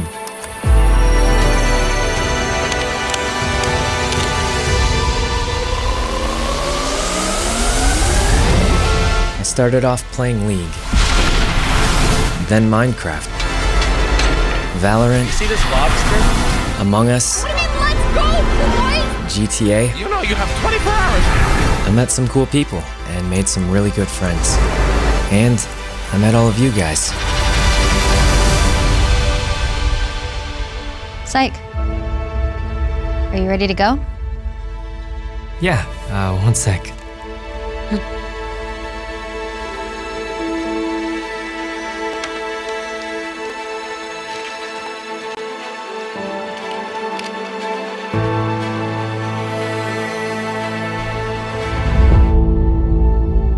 Gonna do what I've always done, just in a new place.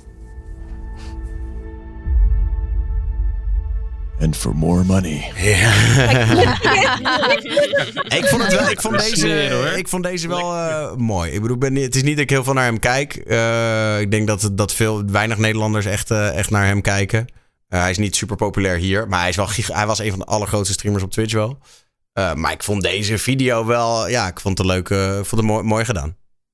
Hij Ik heb- absoluut. Eh, ik had dus een artikel hierover gelezen. En hij zei, eh, ja, je weet natuurlijk niet of het de waarheid is. Dat eh, YouTube, hem, eh, YouTube hem helemaal niet heel veel meer geld heeft geboden. Maar dat het gewoon een soort gevoelsding was. En hij had uiteindelijk wel betere uren. Als in hij hoefde minder, eh, minder te streamen op YouTube voor dat geld. En hij zei, eh and they spelled my name right. Dus blijkbaar had Twitch gewoon zijn naam niet eens goed gespeld in de mail. Dus dat vond ik wel funny. Het klinkt als een statement vanuit zijn team. Ja, daarom. Dus eh, je weet natuurlijk niet of het helemaal waar is. Mm. Maar ik vond wel... Ik, eh, ik, denk, ik denk eerlijk gezegd, kijk, eh, de, wat hij ook op een gegeven moment heeft gezegd, en daardoor denk ik dat er wel een kern van waarheid in zit. Hij heeft gezegd: Twitch behandelt streamers alsof ze vervangbaar zijn.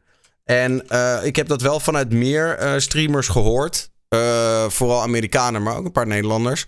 Ehm, van joh, we hebben toch een beetje het gevoel alsof, eh, alsof Twitch een beetje een soort van op de rots zit. En eh, joh, voor jou tien anderen. En eh, oh, je wil een betere deal. Ja, er is geen beter platform, dus succes. Ja, precies. Dat is de monopoliepositie. En ik kan me best voorstellen dat, dat hij, hij... Hij voegt er overigens wel aan toe. Hij zegt, ja, misschien zijn streamers ook wel vervangbaar. Dus ga ik nu deze deal pakken, want misschien komt hij niet nog een keer.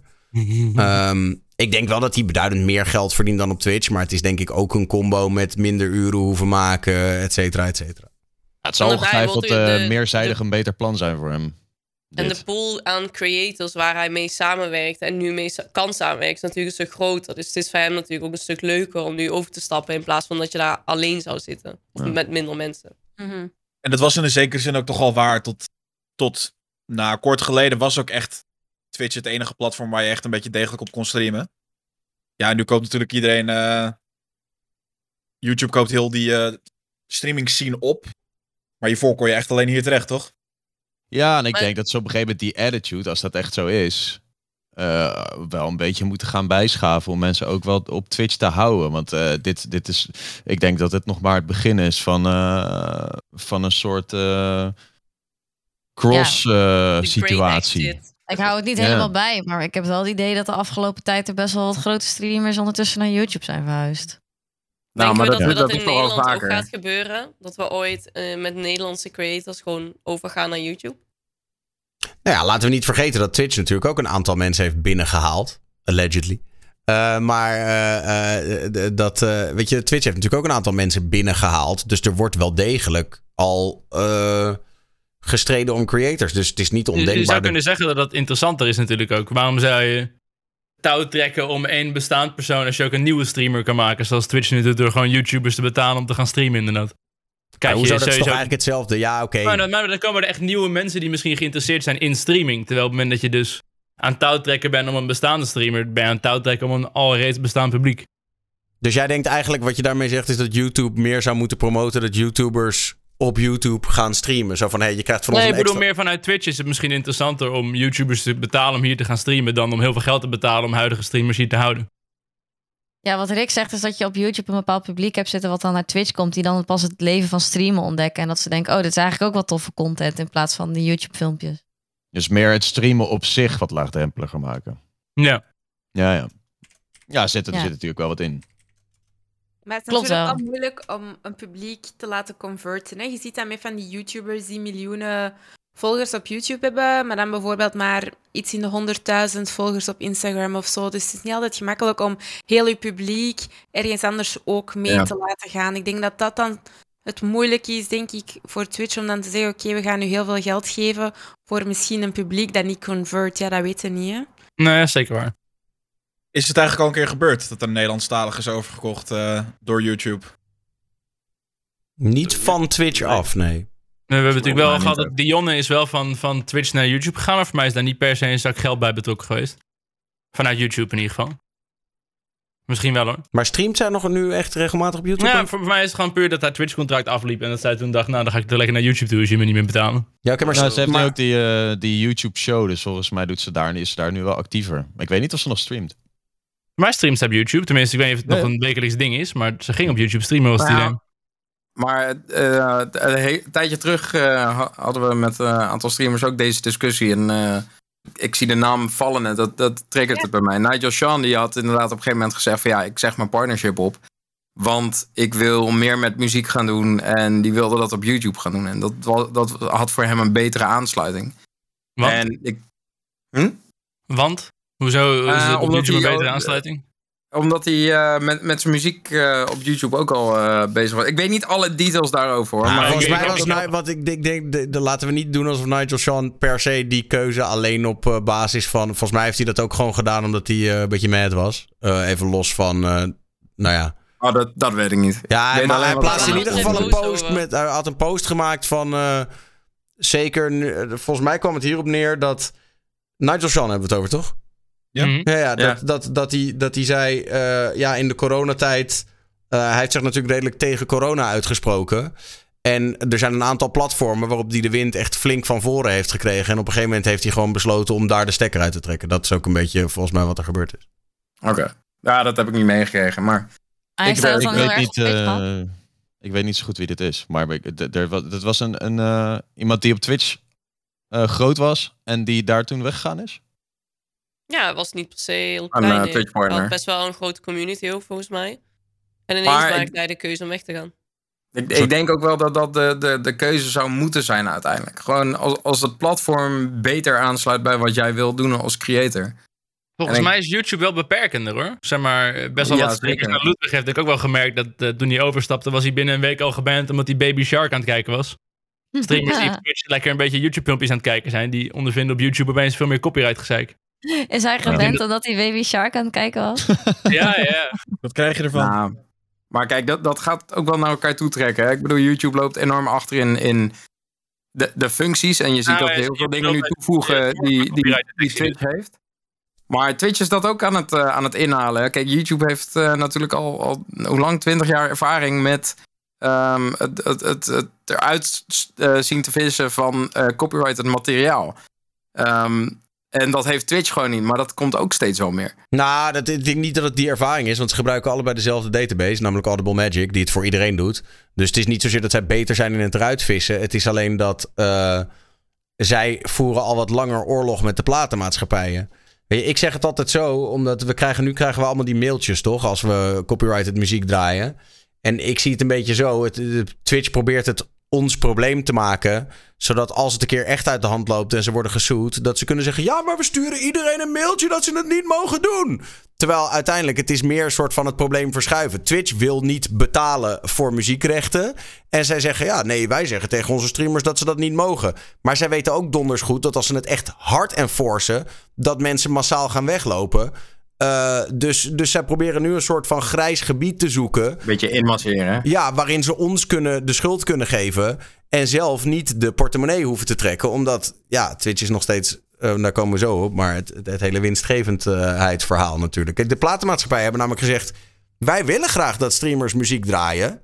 Hmm. En dat gaat dit kosten. En toen heeft Twitch gezegd: Oeh, eh, nee, doe maar niet.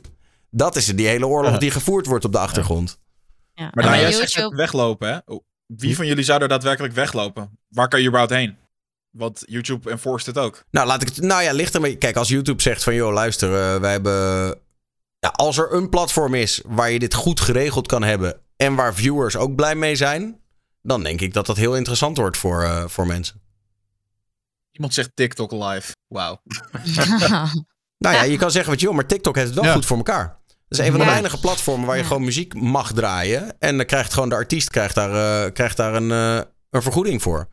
Hey, maar Dus- klopt het dat je je Twitch live ook kan linken of zo? Want soms zie ik gewoon mensen die... eh, ik heb mensen die een scherm filmen. Maar ook mensen die gewoon letterlijk een facecam en hun computerscherm zichtbaar hebben op TikTok. Ja, dat heb ik ook eens gezien. Dat gewoon Ja, als je, je... kan gewoon met OBS naar TikTok streamen. Ja, niet Ja, standaard. Maar eh, niet, het is wel wat gedoe, maar eh, er zijn mogelijkheden. Ja, oké. Ja, dat vraag ik me Dat af. is een restreaming dat je doet. hè. Dus in plaats van dat je naar Twitch streamt, kun je ook naar YouTube streamen. En je hebt ook bepaalde platformen waarin dat je eh, multiple streams kunt doen naar multiple platforms. Maar dat, allee, dat mag je in principe niet. Ehm, maar dat is gewoon mogelijk. Volgens mij mag dat bij YouTube dan weer wel. Volgens mij mag je daar met je content eh, parallel streamen op andere services zonder dat ze daar moeilijk over doen. En dat is bij Twitch natuurlijk eh, er anders. Wordt ook niet geënforced bij Twitch, hè? Nee? Oh, dat dacht ik wel. Er is volgens Lekker mij spelen is wel Was het niet zo dat als je bijvoorbeeld wel de, op hetzelfde moment bijvoorbeeld op TikTok en op eh, Twitch live bent, maar dat je bijvoorbeeld op TikTok een andere camera angle laat zien, dan is dat eigenlijk andere content en dan mag het, Ja. wel, dan mag het wel. Nou ja, Ja, maar wat ik zeg, het wordt, het, het is, ik vind het niet zo'n hele relevante discussie, want er is nog nooit iemand op aangesproken. Zelfs wat, wat Rick zegt, Lekker Spelen doet het al tien jaar. Ze zijn een van de allergrootste Twitch-streamers. Ze hebben nog nooit ook maar een waarschuwing gehad. En ze zijn gewoon partner. Nou ja. Dus, Oh, nee, dus het, is, niet. het wordt helemaal niet, eh, dit is niet iets waar Twitch, het staat in het contract. Maar Ja, er is nog nooit iemand, eh, er, er heeft nog nooit iemand uh, gezeik mee gehad. Oké. En waarom doet niemand het dan eigenlijk? Veel mensen doen het wel. Jawel, veel mensen doen het. Ik eh, ga Oh. dat eh, TikTok eh, wel eens eh, overwegen. Ik heb, dat, ik heb dat een aantal keer gedaan. En dat is echt zot. Er komen echt mensen dan van TikTok naar je Twitch. Ja, en precies. je- en ook op de tijd dat je live staat op TikTok, krijg je echt zoveel volgers. Dat is echt niet normaal. Ik, ik moet eigenlijk meer doen, maar ik vergeet dat. Ik ben te lui. En maar hoe, hoe heb, hoe heb je dat parallel terwijl je dus op live op Twitch bent? Ja, ja, ja, en dan heb ik dus gewoon mijn, mijn schermpje hier en dan lees ik de chat op TikTok en dan zeg ik, ja, weet je, ik ben eigenlijk live op Twitch. Als je met mij wilt babbelen, kom dan daar, maar ik zal af en toe wel kijken. Ehm, dus je kunt dat gewoon doen. Ik heb zelf, er is zelfs zo'n Beat Saber streamer, ik heb dat van een andere streamer gehoord. Die streamt gewoon Beat Saber op TikTok en op Twitch. En dan heeft hij zo op haar titel staan van af en toe ga ik ook een liedje van op de TikTok-chat spelen. En dan zo doet hij dat en die haalt echt massief veel kijkers binnen. Dat is echt niet normaal. Je zou zeggen, als een, TikTok eh, slim is, dan steken ze daar een stokje voor. TikTok is juist massaal, hou mensen op de app, hou mensen op de app. En ondertussen zijn streamers maximaal mensen uit de app naar Twitch aan het trekken. Ja, maar je ziet wel dat er heel veel mensen wel gewoon nog op TikTok Op TikTok blijven kijken. Soms heb je iemand met, eh met eh 5000 volgers. Die heeft dan 15k kijkers op TikTok. Met een Call of Duty livestream of zo. Dat ik denk, Ja. wauw. Dat is toch Maar niet- ik denk ook dat het voor TikTok anders is natuurlijk. Hè? Want ik, ik denk niet dat TikTok het cared dat, dat, dat er vanuit een livestream ook mensen naar een Twitch-kanaal gaan. Tuurlijk wel, Want- mensen moeten in de app blijven. Blijf in de Ja, app. nee, maar luister, nou die terwijl mensen die, die, die Twitch-stream aan het kijken zijn, eh, daar gaan ze ook doorscrollen door andere content. In plaats van dat ze in die live blijven hangen. Dus linksom of rechtsom, die mensen blijven toch wel in TikTok. Ik heb Ja, een, Maar eh, heb je daar, mag ik wat vragen, uh? Heb je daar dan een andere tweede camera voor? Of, of heb je... Nee, ik doe, dat gewoon, ik doe gewoon letterlijk met mijn gsm. Dus ik ga gewoon live op TikTok op mijn gsm. ik heb nog Belgisch nooit voor mobiele telefoon. Ja, dit, Ja. Sorry Nessie, dat, was, dat kwam er lulliger uit dan ik het bedoelde. Ik, heb, ik, heb de, ik, heb, ik heb de sneer zelfs niet gehoord. Dus Oh nee, nee, het was ook het was geen sneer. Ik zei alleen GSM is Belgisch voor telefoon. Maar Ah, nou, in Zeeland gebruiken we dat woord ook, hoor, Daan. Mobieltje, mobieltje. In de jaren negentig. eh. Sorry. Ondertiteling soms. Maar eh, nee, excuus, dat was niet, dat was niet zo bedoeld. Nee, maar nee, ehm. Hey, ik heb nog wel een soort van semi-vervolgtopic. En het is eigenlijk ook een beetje afgeleid van eh, eh, Rick. Het eigenlijk is, ik wil er eigenlijk twee combineren, zeg maar. Eén is dat Twitch is duidelijk aan het aansturen uh, op meer maatregelen om een winstgevend platform te worden. Dat is het hele gebeuren wat er rondom ads gebeurt. Ze willen nu waarschijnlijk ook de donaties naar zich toe trekken. Want ze zijn aan het experimenteren met een systeem waarmee je rechtstreeks dollars kan doneren via Twitch. Want ja, daar, en daar krijgt dan de streamer 80% van. En de, de, de uh, Twitch krijgt daar dan 20% van. Ja, je creditcard waarschijnlijk, of niet? Uh, daar, zullen ze dan wel dat, uh, daar zullen ze dan waarschijnlijk wel Ideal voor, uh, voor hebben. Krijg je daar wel een tool voor? I don't know. Maar er komen dus meer van dat soort maatregelen. Dus de, de ad manager, wat ik zei, die, dit, dit donatiesysteem. Waarschijnlijk, hè, wat al besproken was, gaan grote partners een, een, een minder gunstige verdeling krijgen van de poen.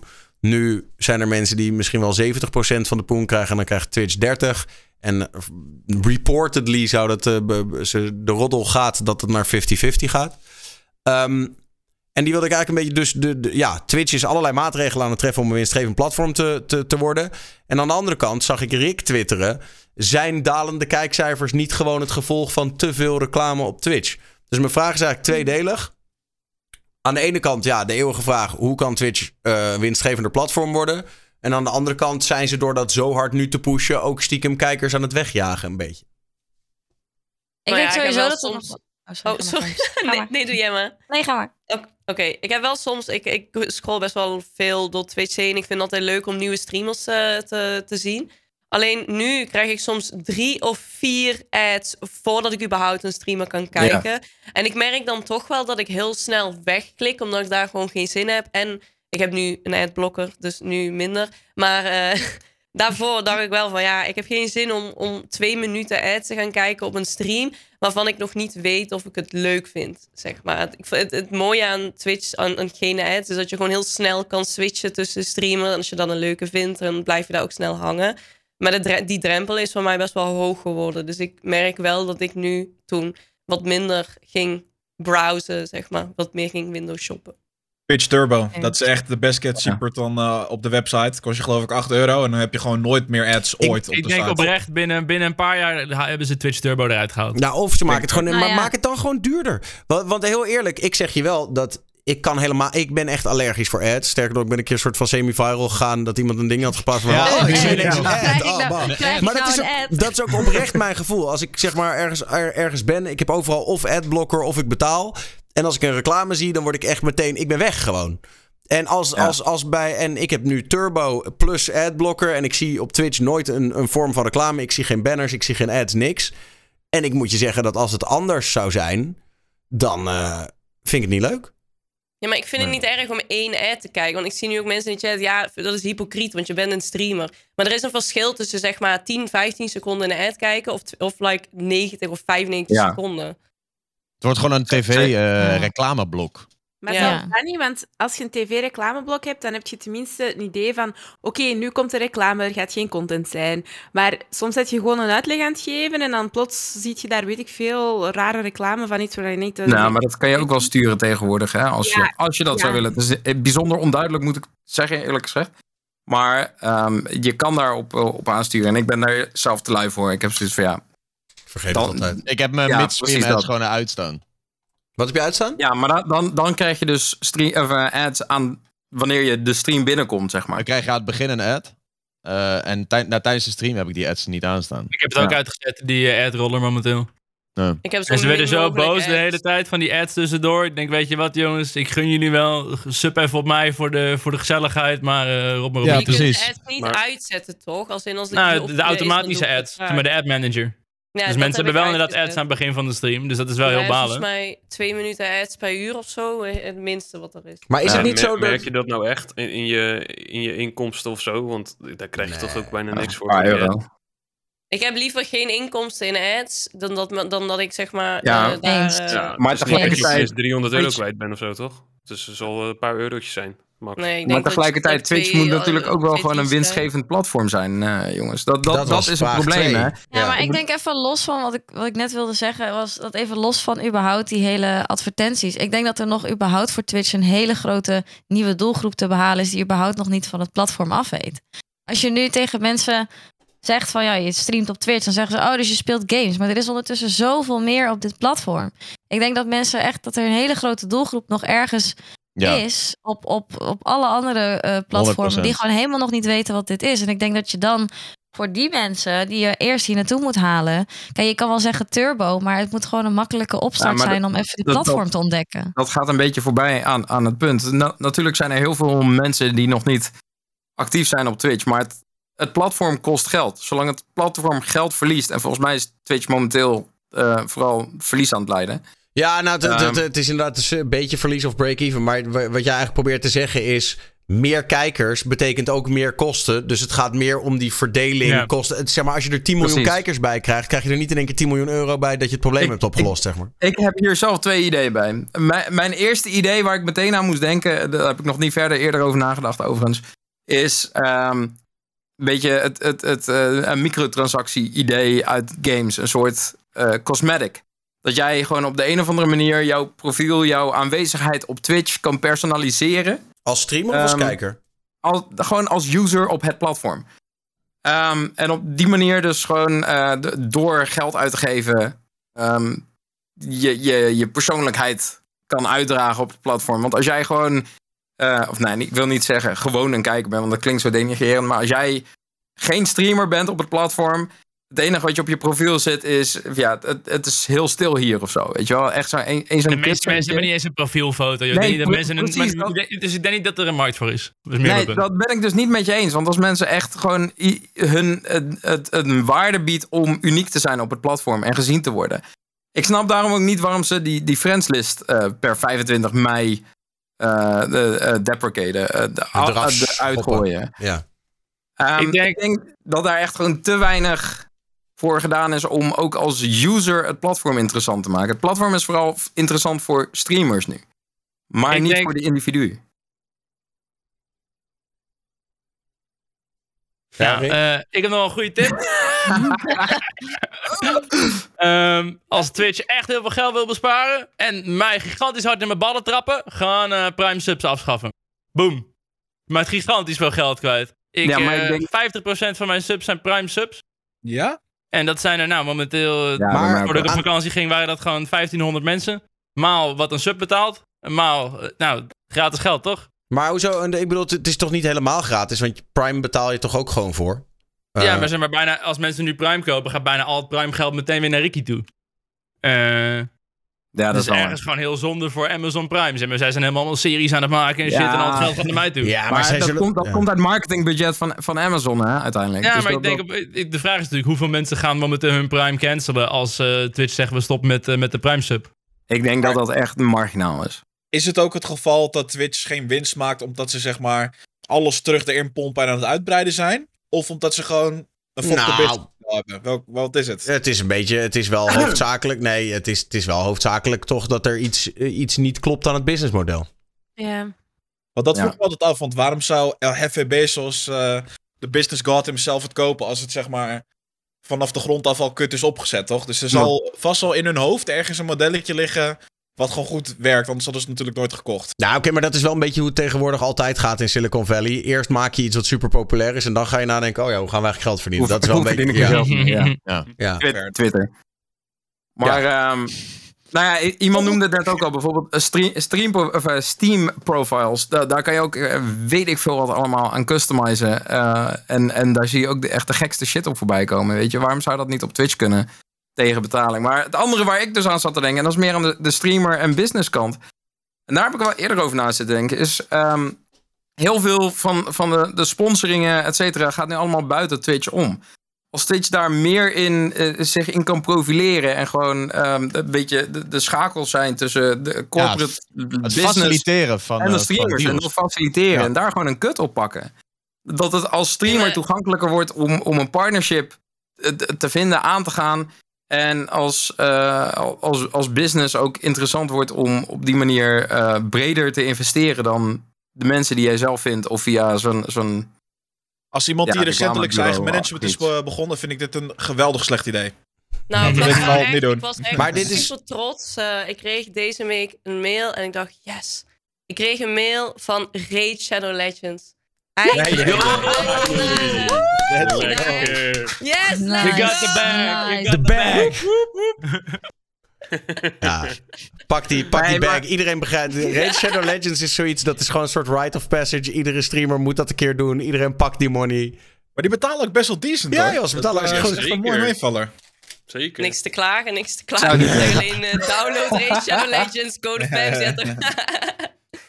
Nee, maar ik, ik denk dat daar best wel een rol voor Twitch in te vinden is. Zeker in een beetje dit, het, het middensegment, zeg maar. Ze hebben dit geprobeerd hè, met de Bounty Board. Eh, het is nooit naar Europa gekomen, maar eh, er was een, eh, een ding. En dan ehm, de, kon je inloggen als streamer, als partner.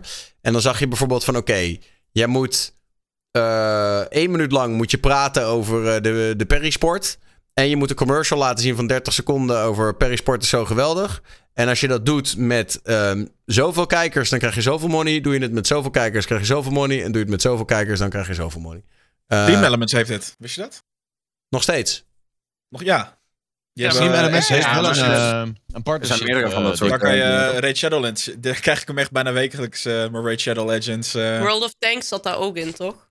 eh, Fortnite zie ik hier staan. mee. Dark Nemesis. Er staat jammer genoeg gewoon te weinig spul op. Maar het lukt, ja. Ja. Het is gewoon te weinig of zo. Nou, in Nederland. Ik wil dus, wel. ja. ehm, oh. Ik heb nog wel één ding toe te voegen over. Want Daan, jij zei dat Twitch bezig is met een, eh, een donatiesysteem of zo via Twitch zelf. ja, dat En wordt nu dat wij, dan, dat wij dan 80% krijgen. Maar waarom is dat, waarom is dat eh, aantrekkelijk voor streamers als bijvoorbeeld bij Stream Elements je 95% van de donatie krijgt en je Nou. ook nog de customization hebt van je alerts? Je kan natuurlijk wel het verleidelijk maken voor de chatter door er een badge aan vast te maken, bijvoorbeeld. Of eh, dat is, niks eh, beeld kan. Waarschijnlijk gaan ze op die manier vooral proberen je kijker aan te sporen. om het op die manier te doen in plaats van. Ik zou Ja, zeggen, dat- dat gooi gewoon geld naar mijn PayPal. Dan is al dat geld voor Rick. Die heb ik veel liever inderdaad. Zij gaan dat inderdaad. eh, er natuurlijk. ja, wat Rick zegt. Ze gaan het inderdaad visueel interessant maken. En waarschijnlijk krijg je straks ook wat je bij Mixer had: confetti in de chat. En dat soort geien. Weet je wel, confetti letterlijk over de chat heen. als iemand een bepaald bedrag doneert en zo. Plus, laten we eerlijk wezen. ehm, ze hebben natuurlijk ook gewoon de macht om op een gegeven moment te zeggen: joh, wij verbieden externe donatieplatformen. Oef. Ja, maar dan, graaf je toch echt je eigen graf, of niet? Allemaal met maffiapraktijken. Dat kun je toch Nou ja, maar Dat YouTube die biedt dat ook al aan, hè? Via, via de, Zo die via de chat. om dwingen te die het af? Bij YouTube maar dat- nee, Nee, toch? die bieden het aan, volgens mij. Oké. Maar dat is toch ook de grootste scam? Volgens mij krijg je met Superchat ook maar eh, 50% of zo. Althans, dat was Ja. een tijdje geleden. Eh, dat weet Ik ik zou alleen maar overstappen op, dat, op een systeem van Twitch zelf. Als ik daar meer mee zou kunnen doen. Als ik daar een beter percentage uit zou pakken. En wel net zoveel customization zou hebben als bijvoorbeeld op Stream Element. Dus met variaties. Met eh, dat je gewoon een heel design kan maken van je overlay eigenlijk. Ja, maar ik zou toch, denk ik, als ik gebruik maak van het Twitch-platform, zou ik het onderaan de strepen minder erg vinden als zij een kut pakken dan een extern bedrijf. Als het niet heel erg uit verhouding is ineens. Ah, ik vind. Ik zou- ik zou- ik liever geen Twitch- ads meer hebben, dan doe Ja, ik het. ik zou prima Twitch willen supporten, liever dan een, eh, een service waar ik nu aan moet geloven, omdat de Twitch het eh, nog niet op die manier aanbiedt. En ik vind. eh, Wat als je gewoon als kijker zeg maar gewoon 2 euro zou doneren per maand, omdat je dan geen ads meer krijgt voor die stream. Dat is wel iets. Als je zo'n Subscriber hebben- een sub. Gewoon een sub. Ja, maar Ja, ja, oké. Oké, dan. Ja, sorry, ja, ik ben niet heel commercieel ingesteld natuurlijk. Eh, Maar als je gewoon wel iets van perks zou hebben, dan wel. Dan maybe wel, ja. ja, nou, en daarbij 80-20 is op zich best een verre, verre deal, toch? Is, er is al heel Maar wat. niet eh, vergeleken als je al 95-5 hebt lopen. Nee, maar luister. ja, maar eh, ja, als er meer 80 triggers zijn. Uiteindelijk, als, als Twitch niet winstgevend wordt, gaat het platform ook gewoon dood, hè? En wat heb je dan over? niks. YouTube. Het is like ta- ta- 80% van iets of 100% van, van, van niets. Dat is het een Facebook beetje. Gaming. Dat is Nee, maar daarom zeg ik, ik, zou prima, eh, ik zou prima Twitch willen supporten met een kut van die. eh, Zal er een die- dag komen dat Twitch... eh, Nou, denk ik niet. Het, het hele, het, het hele eh, businessmodel van Amazon is verlies leiden en, en de hele markt undercutten. Dus ik denk dat eh, op een gegeven moment wel een punt komt dat alles drastisch anders gaat. En ze op die manier eh, toch wel weer het, het platform eh, nieuw leven inblazen.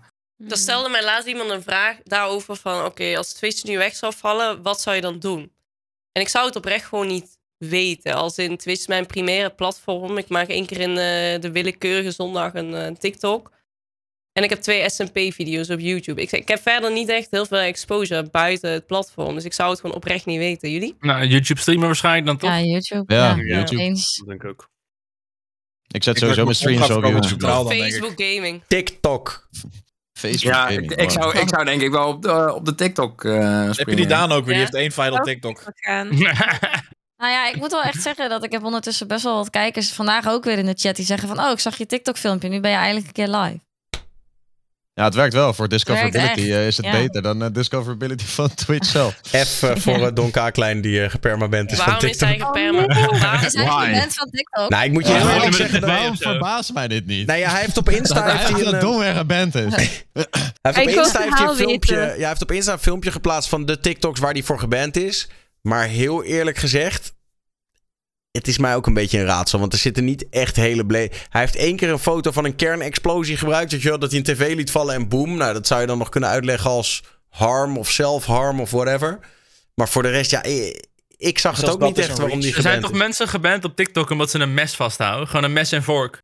En daar krijg je dan een ban voor. Dus mensen moeten geloof ik een mes en een lepel vasthouden. Die regels zijn echt wack. Ja. Ik heb, ik heb ooit al eens een video gehad die dat verwijderd was geweest voor nudity, omdat ik een... eh, ik had zo een zalmroze truitje aan. En dan... in- dat was, ja, en dat was, ik was helemaal bedekt, maar dat was dus zalmroze. En dan dachten die waarschijnlijk, oei oei, die is hier Dat kan bloot niet. of zo. Nou. Ik bizar. heb alleen een keer een audio mute gehad. En toen heb ik dat, eh, je kan dan meteen een soort ticket indienen dat het random is gegaan. En toen hebben ze meteen weer ongedaan gemaakt. Dus volgens mij zitten er nog wat glitches in de matrix van, het, eh, Nou, dat sowieso. van de triggers daar. Als je daar een eh, ticket in die bij TikTok kijkt, dan een persoon naar of gewoon weer een bordje. Ik denk Ja, dat eerst het een dan het ander waarschijnlijk. Maar dan heeft Ja. Don dat toch ook kunnen doen? Als in, dan heeft hij toch ook gewoon kunnen aanvragen van, nou, wa- wat is iedereen gedaan, van? Die Ja, hij die zit nu in de appeals-proces. Oh, is hij alweer afgewezen? Nou, niet over die ban, maar wel van die eh gestrijkte video's. Die onterecht eh, naar beneden zijn gehaald. Die zijn wel allemaal gewoon gedenied. Ik heb nog even een dingetje. ehm, wat een beetje een soort snijvlak is tussen eh, Twitch en, en gaming. En, en toch ook wel een beetje een soort maatschappelijk topic. Er is namelijk van de week een eh, Pro League speler uit de kast gekomen. Ehm, zijn naam is Biofrost. En eh, dat deed hij met Ik een, komen. met een mooi bericht. Ik heb het er hier even bij gepakt. Hij, even kijken hier, volledig keihard fullscreen. I'm gay. I've struggled with my personal identity my entire life. While my parents were working in China, I moved around a lot from homestay to homestay, which is basically where you live in a stranger's home. Nou, in ieder geval, hij zegt, uh, at the age of eight, bombarded with homophobic and sexist remarks. Ehm, eh, weet je wel, hij heeft heel eh, zijn leven meegemaakt dat mensen hem zeiden van ja, doe niet zo, doe niet zo gay, et cetera. Ehm, en nu uiteindelijk zit hij in gaming en zijn ding is, ehm, hij, hij vindt het nog steeds veel te veel voorkomen, dit stuk. The gaming industry is rampant with sexism, prejudice and homophobia. I don't believe there's a quick fix, but it starts with us holding ourselves to a higher standard and treating everyone with dignity. We need to educate people in esports of proper conduct within the workplace. I'm not making this announcement because I owe everyone the details of my personal life, but because I want there to be more awareness about the problems our community faces. Ehm, ja, dus, dus hij, eh, hij zegt eigenlijk van ja, het is niet zozeer dat ik iedereen heel graag wilde vertellen dat ik, eh, dat ik eh, gay ben. Maar ik denk dat het nodig is, want het is nog veel te eh, algemeen geaccepteerd om, eh, ja, om daarop te haten eigenlijk. Maar dat, dat is toch ook gewoon zo. Hoe vaak wordt er iemand wel niet homo genoemd omdat die neer, eh, dat, dat de ander hem neerschiet eh, in een spelletje of zo? Ja, of omdat iemand vroeg naar huis gaat van een feestje. Ja, en het is Maar natuurlijk... dan wel- zeggen, het is natuurlijk niet algemeen de gamingbranche. Het is gewoon in het algemeen. Eh, Ja, maar in gaming is het wel nog wel iets, iets heftiger. Ja, Maar- überhaupt in sporten ook. Hè. Het is gewoon volgens mij in, eh, in veel competitieve eh, sferen is het wel een dingetje. Voetbalkleedkamers. Bij Nederland, eh, bij Nederland zelf hadden we hem toch nog. Alle Duitsers zijn homo van het publiek. Ja. Ja. Maar het is fucking mooi dat deze gast dat doet, man. Ik, eh, ja. Ja, ik vind het wel Ik word respect. er wel blij van, inderdaad. Als, eh Maar het is denk ik als ook... hij ik dan het bedoel- voortouw wil nemen daarin. Het is denk ik ook waar je niet bij stilstaat natuurlijk als je, nou in mijn geval, hetero man bent. Dat, weet je wel, wij eh, horen zoiets van, oh, homo. En iemand die nog niet uit de kast is gekomen denkt, oh god. Weet je wel, het is eigenlijk al- iedere keer dat dat woord valt, is dat natuurlijk voor iemand weer een remming om te denken, ja oké, maar als ze er straks achter komen dat ik homo ben, wat, wat gaan ze dan denken? Dat is toch een beetje waar, Ja. je, waar je niet echt bij stil. Dat is het, het bijeffect natuurlijk. Van ja, voor 90% van de mensen zeggen ze ja, het betekent niks. En eh, precies wat iemand nu in de chat zegt: van ja, het heeft andere betekenis als je gewoon aan het kutten bent. Ja, behalve als je zelf in de Voor kast jou. zit. Ja, voor jou. Ik, heb, eh, ik heb mijn afstudeeronderzoek eh, heb ik hier eh, naar gedaan. En eh, de, de, de, de opdracht was eh, bijdragen aan een, een sociaal-maatschappelijk probleem of dat oplossen. En ik had dus inderdaad eh, ehm, het uit de kast komen voor anders geaarde, zeg maar, ehm, had ik als onderwerp. En wa- wat daar eigenlijk vooral uit voorkwam, is dat ehm, mensen denken niet op lange termijn. Als, zij, als jij je vader hoort zeggen, eh, ja, wat een homo, omdat er op tv iemand in een glitterpak en een string op, eh, op een boot staat te dansen. Heb jij al meteen zoiets van, oh, hij vindt dat heel erg. En dat negatieve, dat blijft heel erg hangen. Terwijl er voor hetzelfde geld een, een, een uur later een bericht is over dat er een, een, een homostel in elkaar geslagen is. Ehm, en dat je vader daar gewoon boos op reageert. Nee, maar dat, dat is het, het positieve. Dus hij neemt het, hij, hij ver- verafschuwt het geweld daartegen. Maar dat, dat leg je niet tegen elkaar weg. En als jij je vrienden ehm, eh, homoseksualiteit als, eh, als, als iets slechts, als iets zwaks, als iets minder dan normaal hoort gebruiken, dan is dat voor jou, gaat dat heel erg aan je knagen. En heb je, heb je zoiets van ja, maar, maar, dan wat is de hoor ik niet oplossing bij. dan? De oplossing van je dinges? Ehm, de, waar ik, nou, ik Niet weet niet of dat nu heel interessant is hoor. Nee, maar wat, wat ik als, eh, als project had uitgewerkt, eh, en ik deed dan communicatie multimedia design, en ik heb dat eh, samen met de opleiding toegepaste psychologie gedaan, was een concept voor een, een soort, ja, ik zal het maar even een dagboek noemen, waarin je gewoon dat soort ervaringen kan, kan opschrijven en, en buiten jezelf kan, kan terugzien van, hey, ei- eigenlijk valt het best wel mee, het was gewoon een ongelukkig moment. Ehm, maar dat, dat, dat, dat is een, een, een bijdrage eraan. Dat is geen absolute oplossing eh, natuurlijk. Maar ik, ik zie dat zeker. Ik bedoel, ik, ik heb, eh, voorheen heb ik competitief gegamed. En eh, je hoort het overal. En het is bij mij in de community overigens ook echt gewoon ten strengste verboden. Als ik mensen dat hoor zeggen, dan is dat gewoon meteen klaar. Ja. Want er zijn ook gewoon mensen, zowel in zowel mijn modteam als in de community, die eh, homoseksueel zijn, of bi, of lesbisch, of eh, zelfs iemand trans. En dat is allemaal echt helemaal prima. En op het moment dat mensen dat zo licht gebruiken zonder daarover na te denken, dan eh, grijp ik daar wel echt op in. Maar ik denk dat dat ook een stukje komt uit onwetendheid of zo. Ik, ik, ik kan me niet voorstellen dat iemand die echt mensen in zijn vriendengroep of in zijn directe nabije omgeving heeft die een andere seksuele geaardheid heeft, dat, dat, dat je daar nog steeds... Allee, ofwel zijn ze gewoon super haatvol, dat kan ook. Je hebt ook slechte mensen, maar ik bedoel, dat is gewoon met wie je een relatie hebt. Ik vind het altijd zo raar dat mensen zich daar zo druk in maken. Like, who cares met wie dat je gaat slapen? Of hoe dat je voelt? Of dat je nu een man wilt zijn of een vrouw wilt zijn? Dat maakt toch allemaal niet uit, want dat heeft toch geen invloed op je eigen leven? Ik kan, ik vind dat zo raar dat mensen daar zo hard in gaan en daar zo hard op haten. Dan denk ik echt, waarom? Als je nu gewoon zou bezighouden met jezelf, dan zou er misschien Ja. beter persoon worden. Omdat Ik denk het dat an- de deel anders van- dan de norm die zij gewend zijn of zo. Ik denk dat het inderdaad onwetendheid is voor een groot deel. Ik denk ook dat het een stukje referentiekader is, toch? Als jij eh, zeg Ja, maar niet precies. op die manier geaard bent eh, en jij noemt eh, zeg maar iemand met eh, de F-slur of eh, je wordt zo genoemd, dan doet het niks met je omdat je dat niet bent, zeg maar, toch? Dus je kan je daar totaal niet mee refereren. Maar Ja, ik kan me heb best dus wel voorstellen zelfs dat het dan dat je het sneller gebruikt omdat je het niet. Het heeft die waarde niet voor jou. Maar goed, je weet natuurlijk niet wat voor een waarde dat houdt voor een ander persoon. En dat is denk ik deel van het probleem. Ik heb soms ook het idee dat het maar niet alleen eh, het homo zijn, maar ook voor mensen die gewoon heel erg zichzelf zijn. Of het nou met kleding is of met whatever. Dat, dat het soms zelfs ook een stukje, gaat misschien heel ja, raar, raar klinken, maar een stukje jaloezie is van de mensen die gewoon jaloers zijn op het feit dat iemand anders zo zichzelf durft te zijn. En dat ze eigenlijk gewoon eh struggelen met wie ze zelf zijn. En eh, dat, soms, heb, soms dan heb ik het een beetje het gevoel dat het zelfs daaraan ligt. Ik weet niet of dat, of dat, Nou, dat, kan, zeg, dat kan voor een deel dat, maar misschien ook wel een beetje dat, eh, weet je wel, het hele doe maar normaal, dan doe je al gek genoeg. En eh, weet je wel, gewoon eh, van, oh, waarom moet dat zo uitbundig? Dat je denkt, ja, eh, luister, laat mensen gewoon lekker zo uitbundig doen als ze zelf willen. Ja, maar juist Nou, omdat ze het zelf niet durven. Omdat ze zelf zoiets hebben van... dat ze gewoon onzeker zijn over zichzelf... en over hoe normaal dan tussen haakjes ze zijn. Eh, ja, hun Mm, durven de- 100% zichzelf te zijn, snap je? Het, het heeft vooral heel erg te maken met ze willen niet buiten de boot vallen. Willen erbij horen en je hoort er al bij als je dat alle, als alles wat anders is, als je dat afstoot, zeg maar. Want daarmee laat je zien, ik hoor erbij. Ja, ja dat, dat denk ik zeker. Inderdaad, denk je, als je dat je aanstoot neemt aan alles wat daar een beetje buiten staat voor je gevoel.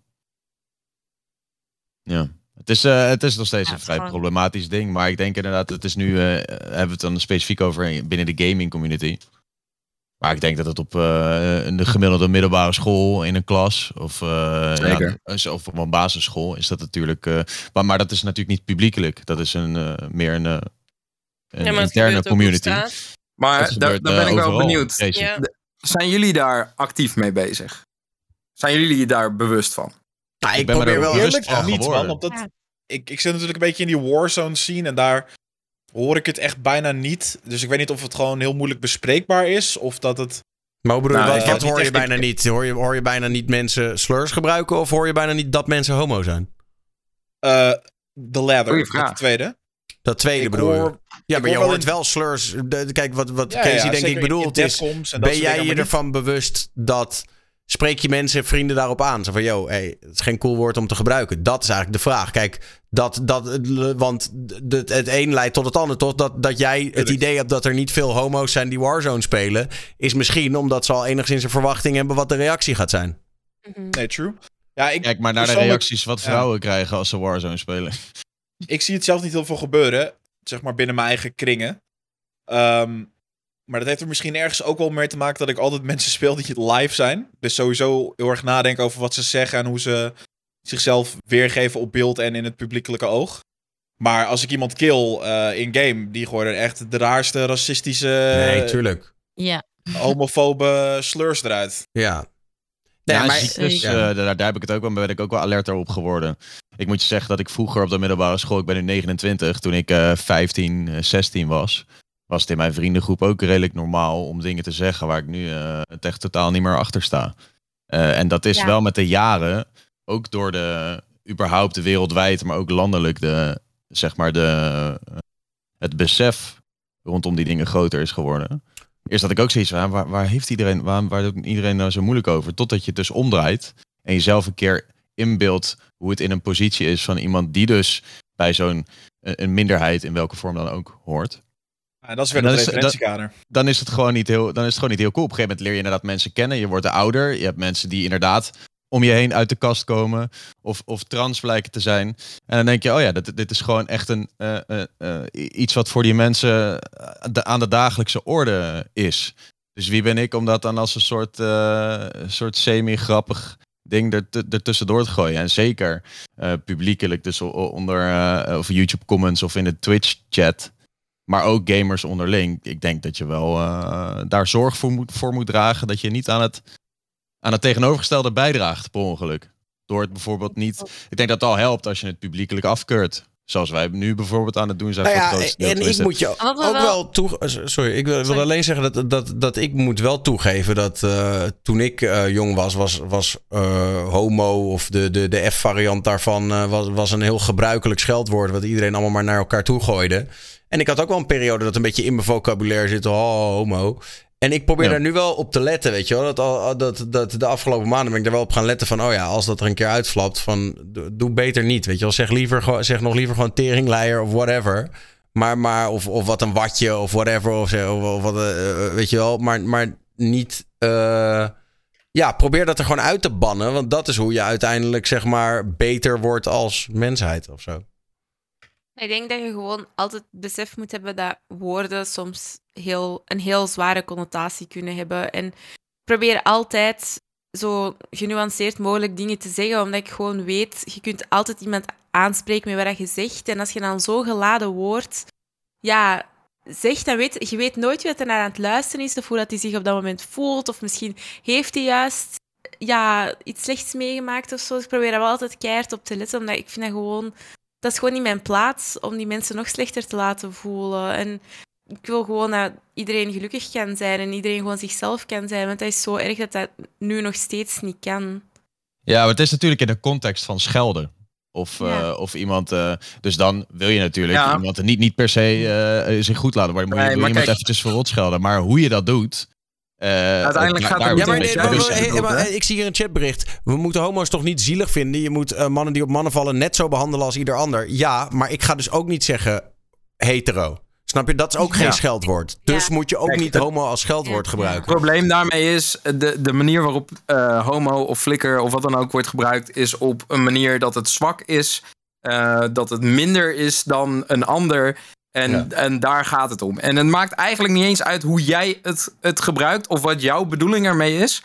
Want op het moment dat er één iemand al is, te- en, en als streamer ben ik me daar heel erg bewust van. Als er een kijker is die, die zich slecht over zichzelf voelt, die in de kast zit, die zoiets heeft van ja, ik, ik mag hier niet zijn. En dat wordt daardoor bevestigd. Dan zou dat zomaar eens de volgende kunnen zijn die aan een riem ergens aan zijn bed hangt eh, de volgende dag. En dat is gewoon Ja. de realiteit. Het maakt niet uit hoe jij het bedoelt. Het maakt uit hoe het bij de mensen die ermee struggelen overkomt. En dat is wat mensen niet begrijpen.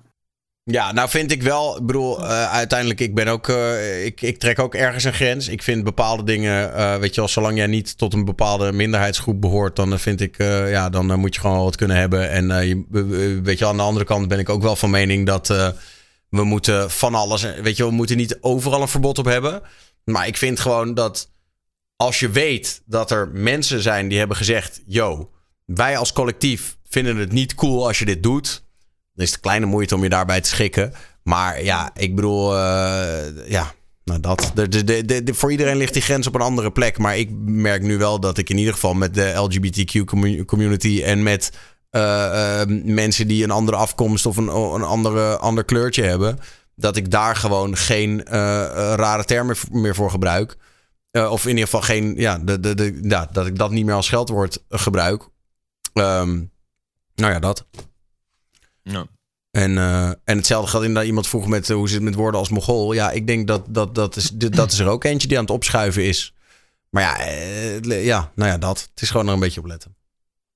Eh, Precies. Gewoon nou rekening ja, met la- elkaar houden. toch? en Jaap zegt eh, eh, iets anders. Mijn moeder is overleden en iedereen maakt je moedergrappen. Nou ja, ik ken mensen eh, dat als je daar een je moedergrap tegen maakt, dan eh, kan je, moet, je, moet je heel hard gaan rennen. Eh, echt heel hard gaan rennen. En Weet je, dat, dat, Daar heb moet je ook ook niet. eh, mee. Dat moet je niet, dat moet je niet Ja, tegen de Vietnam flashbacks hier, joh. En grap Ik is, had, het niet eens, ik had het niet eens over jouw incident. ik had het niet eens over jouw incident, Rick. Maar er, zijn, er zijn echt heel veel mensen eh, bij wie je dat gewoon niet moet flikken. En dat Maar zegt ook genoeg. omdat hun ouders dan overleden zijn? Of? Nou, bijvoorbeeld. Of, Ik heb het een paar omdat keer het- gehad, Of maar omdat dan- het een is eerkwestie is. Dan kun je die andere persoon gewoon heel ongemakkelijk laten voelen. Dan zeggen ze iets van je vader en dan zeg je ja, mijn vader is overleden. Oh, oh, kut, kut, kut. Ja, maar Ja, tegelijkertijd, dat- dat, dat kan scheelt net, weer net zo fysiek goed geweld. andersom. Een van mijn, een van mijn mods is ook een goede vriend van me. Zijn beide ouders zijn eh, in de afgelopen jaren overleden. En als ik dan een keer ruzie heb met, mijn moe- met mijn moeder... of ze doet moeilijk of weet ik wat... hoi mam, ik weet dat je kijkt, sorry. Ehm, dan, dan hebben we het daar wel eens over. En dan gooi ik er wel eens een opmerkingen van... ja, jij hebt dat probleem niet. En hij kan dat hebben. En hij maakt die grappen zelf ook, weet je wel. tuurlijk, Dus- maar dat is toch dat- het, dat eh, onder vrienden is, beetje- alles anders, weet je? Dat is, dat is, maar het gaat hier meer om dat als jij, eh, ja, nou ja, ik denk dat we alles wel gezegd hebben. We hoeven niet in herhaling te vallen. Eh, ik, ik, ik wil nog even één ding, want iemand noemde het al in de chat. Het is zeer tragisch, maar in Amerika wordt dus overwogen om eh, eh, Roe versus Wade terug te draaien. Het, eh, de, de, zeg maar de uitspraak die heeft geleid tot hun federale abortuswet. Ah, nou, ja. Denk ik niet dat dat echt een discussie is. Want volgens mij vindt iedereen dat walgelijk en stom. Eh, en En is- sowieso heeft het toch meer een beetje. Het wordt dan. Federaal wordt dan teruggedraaid, maar dan kan een staat zelf toch nog wel Ja. gewoon zeggen. Je kan bij ons wel. eh, ja, maar het grote probleem is dus dat er heel veel staten zijn die eh, eigenlijk alleen maar daarvan worden weerhouden door die federale wet. Dus op het moment dat je die federale wet terugdraait, gaat de, de helft van Amerika gaat zeggen het is illegaal. Sterker nog, wat ik echt het walgelijkste vond, wat ik vandaag las. Er is een meneer en die wil eh, lieutenant governor worden, luiten- luitenant-gouverneur. Ik probeer me, ik, eh, ik pak hem er even bij, want ik wil dat hij ook even bij naam genoemd wordt. Ik heb, zijn, eh, ik heb zijn naam even niet bij de hand, maar ik heb wel zijn foto. Deze meneer, nou ja, lees de titel maar. te vinden. Hij, eh, hij wil zelfs dat vrouwen die abortus plegen de doodstraf kunnen krijgen. Daar eh campaignt hij Oh, nu die op. wat? Ja. Ja, dat is wel erg pro-life. Ja. Ma- makkelijk Oh. praten. Bizar, hè? Ja, ik zag dus van de week een, een, een bericht of, iets, ik weet het niet meer, ergens op Twitter geloof ik. Iemand die zei van op dit moment is een groep mannen shit aan het bepalen voor vrouwenlichamen. Voor het lichaam van een vrouw. En heb je, waar, wanneer wordt er, is er ooit al iets bepaald vanuit vrouwen voor de man? Kijk, nu, nu, nu moet een groep mannen maar iets bepalen voor wat er met een vrouw en de keuzes van wat een vrouw maakt gedaan wordt. Maar, er zijn natuurlijk ook heel veel pro-lifers zijn ook wel echt eh, vrouwen. Dat is toch ook een beetje een, een non-argument. Want het is toch gewoon een gekozen politici. Dus die is toch gewoon door het volk, zowel mannen als vrouwen, gekozen. Nou, om eh, zijn of haar staat te vertegenwoordigen. Het kan toch net zo goed inderdaad, wat eh, Rick zegt, een vrouw zijn die daar. eh, Het is vooral denk ik een, het is niet per se alleen een man versus vrouw ding. Er zitten natuurlijk wel veel oude grijze mannen die dan hier een hele sterke mening over hebben. Dat je denkt, waarom, why do you care? Maar het is denk ik ook wel, het komt natuurlijk ook heel erg vanuit het geloof. En ja, mensen zijn gewoon ook geïndoctrineerd, toch? Door, door eh, ja, het is gewoon heel naar. Zeker daar. Zeker geloof daar. politiek krijg ik sowieso jeuk van als je die twee mixt. Ja. Waar, eh, waar zijn al die tokkies eh, die demonstreerden tegen coronavaccins omdat ze van hun lichaam af moesten blijven? ja. Die Ja. bemoeien zich nu eh, met eh, dat de oorlog in Oekraïne nep is, toch? Is het nu, eh, Wat, is is, nu is een dat ding? ook al een ding? Want dan. Ja, er wordt ook gezegd dat dat een of andere hoax is. Ja, whatever. weet. Mensen zijn zo Ja. Dom Objection, hearsay. echt Ik las een, eh, een draadje op Reddit van iemand die zei: Ja, ik ben oprecht bang.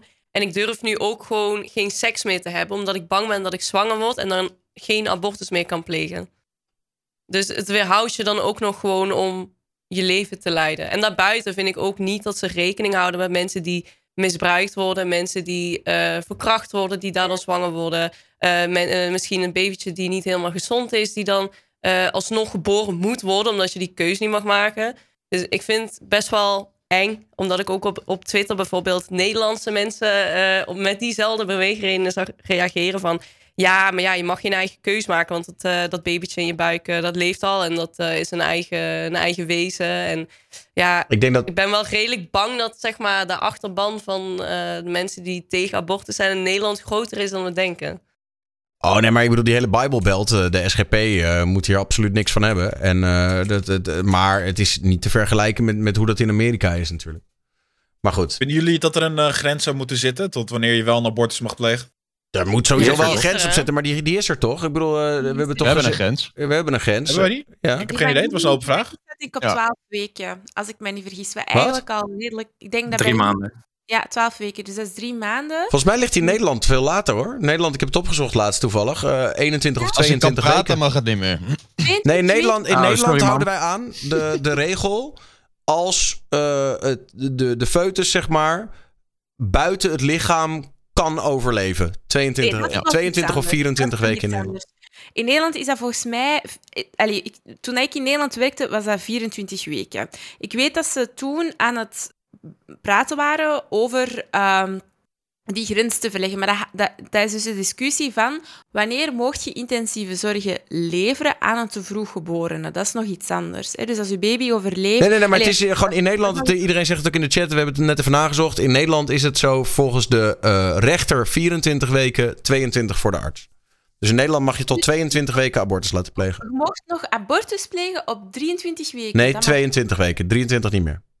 Ah, ja. Maar als, een, als jij een arts vindt die het op 23 weken nog wil doen, dan kan hij daar niet voor veroordeeld worden. Eh, na dat is 24 wel- weken wordt het pas een justitiële kwestie. Amai. Ja, bizar. Ja. Ja. Goed, laten we hem aftoppen. Want eh, nee, ik moet zeggen, ik vind het echt een eh, waanzinnig gezelschap en goede topics vandaag. Ik werd wakker en ik denk, nou, er is helemaal niks in Twitchland gebeurd. En uiteindelijk hebben we ook echt met weinig topics hebben echt veel besproken. Ja, Ehm, veel besproken. ja, dus dank daarvoor. Ehm, maar eh, nu het eh, gebruikelijk moment waarop jullie mogen vertellen eh, wat jullie allemaal gaan doen de komende tijd. Max, jij staat eh, naast mij. Jij mag beginnen. Yes, zoals altijd, Warzone met de boys Don en Mokka. Nothing changed. Ah, het Zie is je kort. Heerlijk. Ik heb nog niet eens tijd om een titeltje in beeld te gooien. Eh, hier onder in beeld. Maximilian TV moet je zijn. Ehm, dan, Rick. Oh, dat ging snel. Ehm, ik ga hopelijk eindelijk binnenkort de lang gehypte Slagharen stream met Bardo doen. Eh, we moeten toch een beetje onze pretpark stream content doortrekken. Eh, ja, morgen ga ik voor het eerst in eh, een week weer streamen. Ik ben van plan een, een quiz te doen, een Kahoot over mijn vakantie. Dus ik ga allemaal Jezus. vragen stellen over dingen die ik op mijn vakantie gedaan heb. Mensen hebben geen idee wat de antwoorden zijn. Ik vond de originele manier om mijn vakantie te bespreken. Oké. Eh, en ehm, eh, een van mijn ehm, eh, mods is nu bezig met iets heel cools. Eh, ik, ik heb op stream een paar keer 1 tegen 100 gekeken.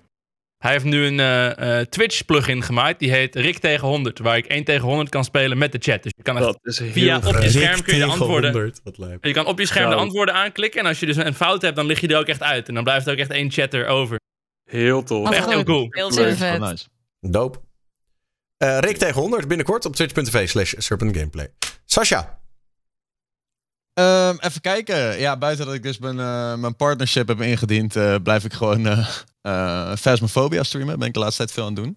Ehm, eh, en ik heb vrijdag de eerste aflevering van mijn podcast opgenomen, van het tweede seizoen daarvan. En dat komt binnenkort op YouTube, een podcast over angst. Daarmee ga ik met mensen praten over waar ze bang voor zijn in het leven. Hm. En komende week ga ik die editen. En die komt dan heel binnenkort ook online. Maar gewoon eh, Bang, de podcast over angst, heet het. Oh. Hmm. Oh, die ga ik wel volgen. Seizoen 2, toch? Ja, er is al een seizoen online, toch? Ja, het eh, seizoen wat online staat, staat op de streamingdiensten. Als je dat wilt checken, dan eh, Als staat je het Ook op Podimo. gasten nodig hebt, eh Sascha. Oh ja, is goed. Ja, dat is veel dingen bang in leven. Ik heb gelijk Nice. even een volletje, volletje gedropt. Thanks, man. interessant, man. Dankjewel. Eens, dat is ook leuk heel om te vet. horen. Leuk om te horen. Ehm, nou, dus check inderdaad de podcast en check hem anders op Twitch. Rikachu. Ja, ik doe eigenlijk super rustig aan. Ehm, ik heb altijd gehad dat mijn focus heel erg lag op het maken van content. En ik heb een soort van, weet niet, mindset change gemaakt van... eh hey, het is niet het belangrijkste in het leven doet, geniet er ook een beetje van af en toe. En eh, dus ja, ik ga gewoon rustig aan door eh, op YouTube met leuke Nintendo-video's maken. En iedere zaterdag eh, ja, lekker een streampje op Twitch. En eh, voor de rest gewoon eh, genieten van het leven. Mm, Nice. Klinkt goed. Klinkt goed. Casey, de lampies. Ja, ik eh, ben eh, nou, vooral aan het eh, een beetje in knutselmodus de laatste tijd. Nou, die, die, die LEDs dus, waar ik nog van alles mee op de stream ga doen. Ik ben de IRL backpack bij elkaar aan het knutselen, wat redelijk begint te lukken. Dus daar wil ik binnenkort ook wat content mee gaan maken. En een, een nieuwe roadtrip aan het voorbereiden voor augustus, eind augustus, begin september. Eh, bigger, better en uncut, zoals ze dat eh, willen zeggen. Ehm, en, bent niet beschermd? eh, ik, sorry? Flauw. ik, ja, ik hoorde je niet wat. Ehm, en ik, maar dat is niet op stream. Eh, ga aanstaande zondag met echt praktisch mijn hele mod-team eh, gaan we naar Game On in Groningen. Ehm, geen flauw idee wat het is, maar het is de, de eerste keer sinds corona dat we echt met zoveel van het mod-team bij elkaar kunnen komen. Dus daar heb ik ook wel echt eh, heel veel zin in. Nice. Twitch.tv slash KCNL. Faams. Ja, ik eh, ga op reis. Eh, vrijdag heb ik eerst een eh, stream in Walibi. Daar gaan we ook echt de achtbanen in met een GoPro. Eh, en ik ga daar skydiven op stream. Dus het is een beetje het eh, vervolg van het upstylen. Ik ben er best wel bang voor, maar eh, ja, fuck it. Ehm, daarna ga ik naar Zweden. Ik ga naar Arctic Game Week samen met Sid en eh, een paar andere leuke mensen. En we gaan daar ook eh, IRL streamen. En daarna ga ik naar Londen en dan ga ik ook IRL streamen. Dus eh, ja, eigenlijk echt een superleuke maand eh, voor de boeg. Lekker, lekker. Tof. Mis het niet. Twitch.tv Ja. slash fams. Eh, nou, lekker. Nessie. Ik ga ook iets met mijn mod-team doen, dus dat is eh, super toevallig. Maar we gaan eh, woensdag ook iets eh, lekker gaan drinken en eh, wat boardgames gaan spelen. Ook e- de eerste keer dat heel veel van mijn nieuwe mods de andere mods gaan leren kennen, dus dat is ook wel fijn. Ehm, en ik ga ook op vakantie. Ik ga naar Madeira en we zijn nu ook aan het werken aan een IRL setup met een GoPro. Dus daar gaan we ook gewoon heel veel livestreamen in Madeira. Dus hopen dat alles werkt, want ik denk dat dat wel echt ziek leuk kan. Ik wil je niet, niet eh, bang maken, maar de GoPro is echt super slecht voor IRL. Over het algemeen. Eh, Ja. Er is een reden dat iedereen met die Sony'tjes rondloopt. Maar goed, daar kunnen we het later nog, wel- kunnen we, kunnen we het later nog wel een keer eh, over hebben. Ehm, dus twitch.tv slash Nessiru. Ehm, en Lien, tot slot.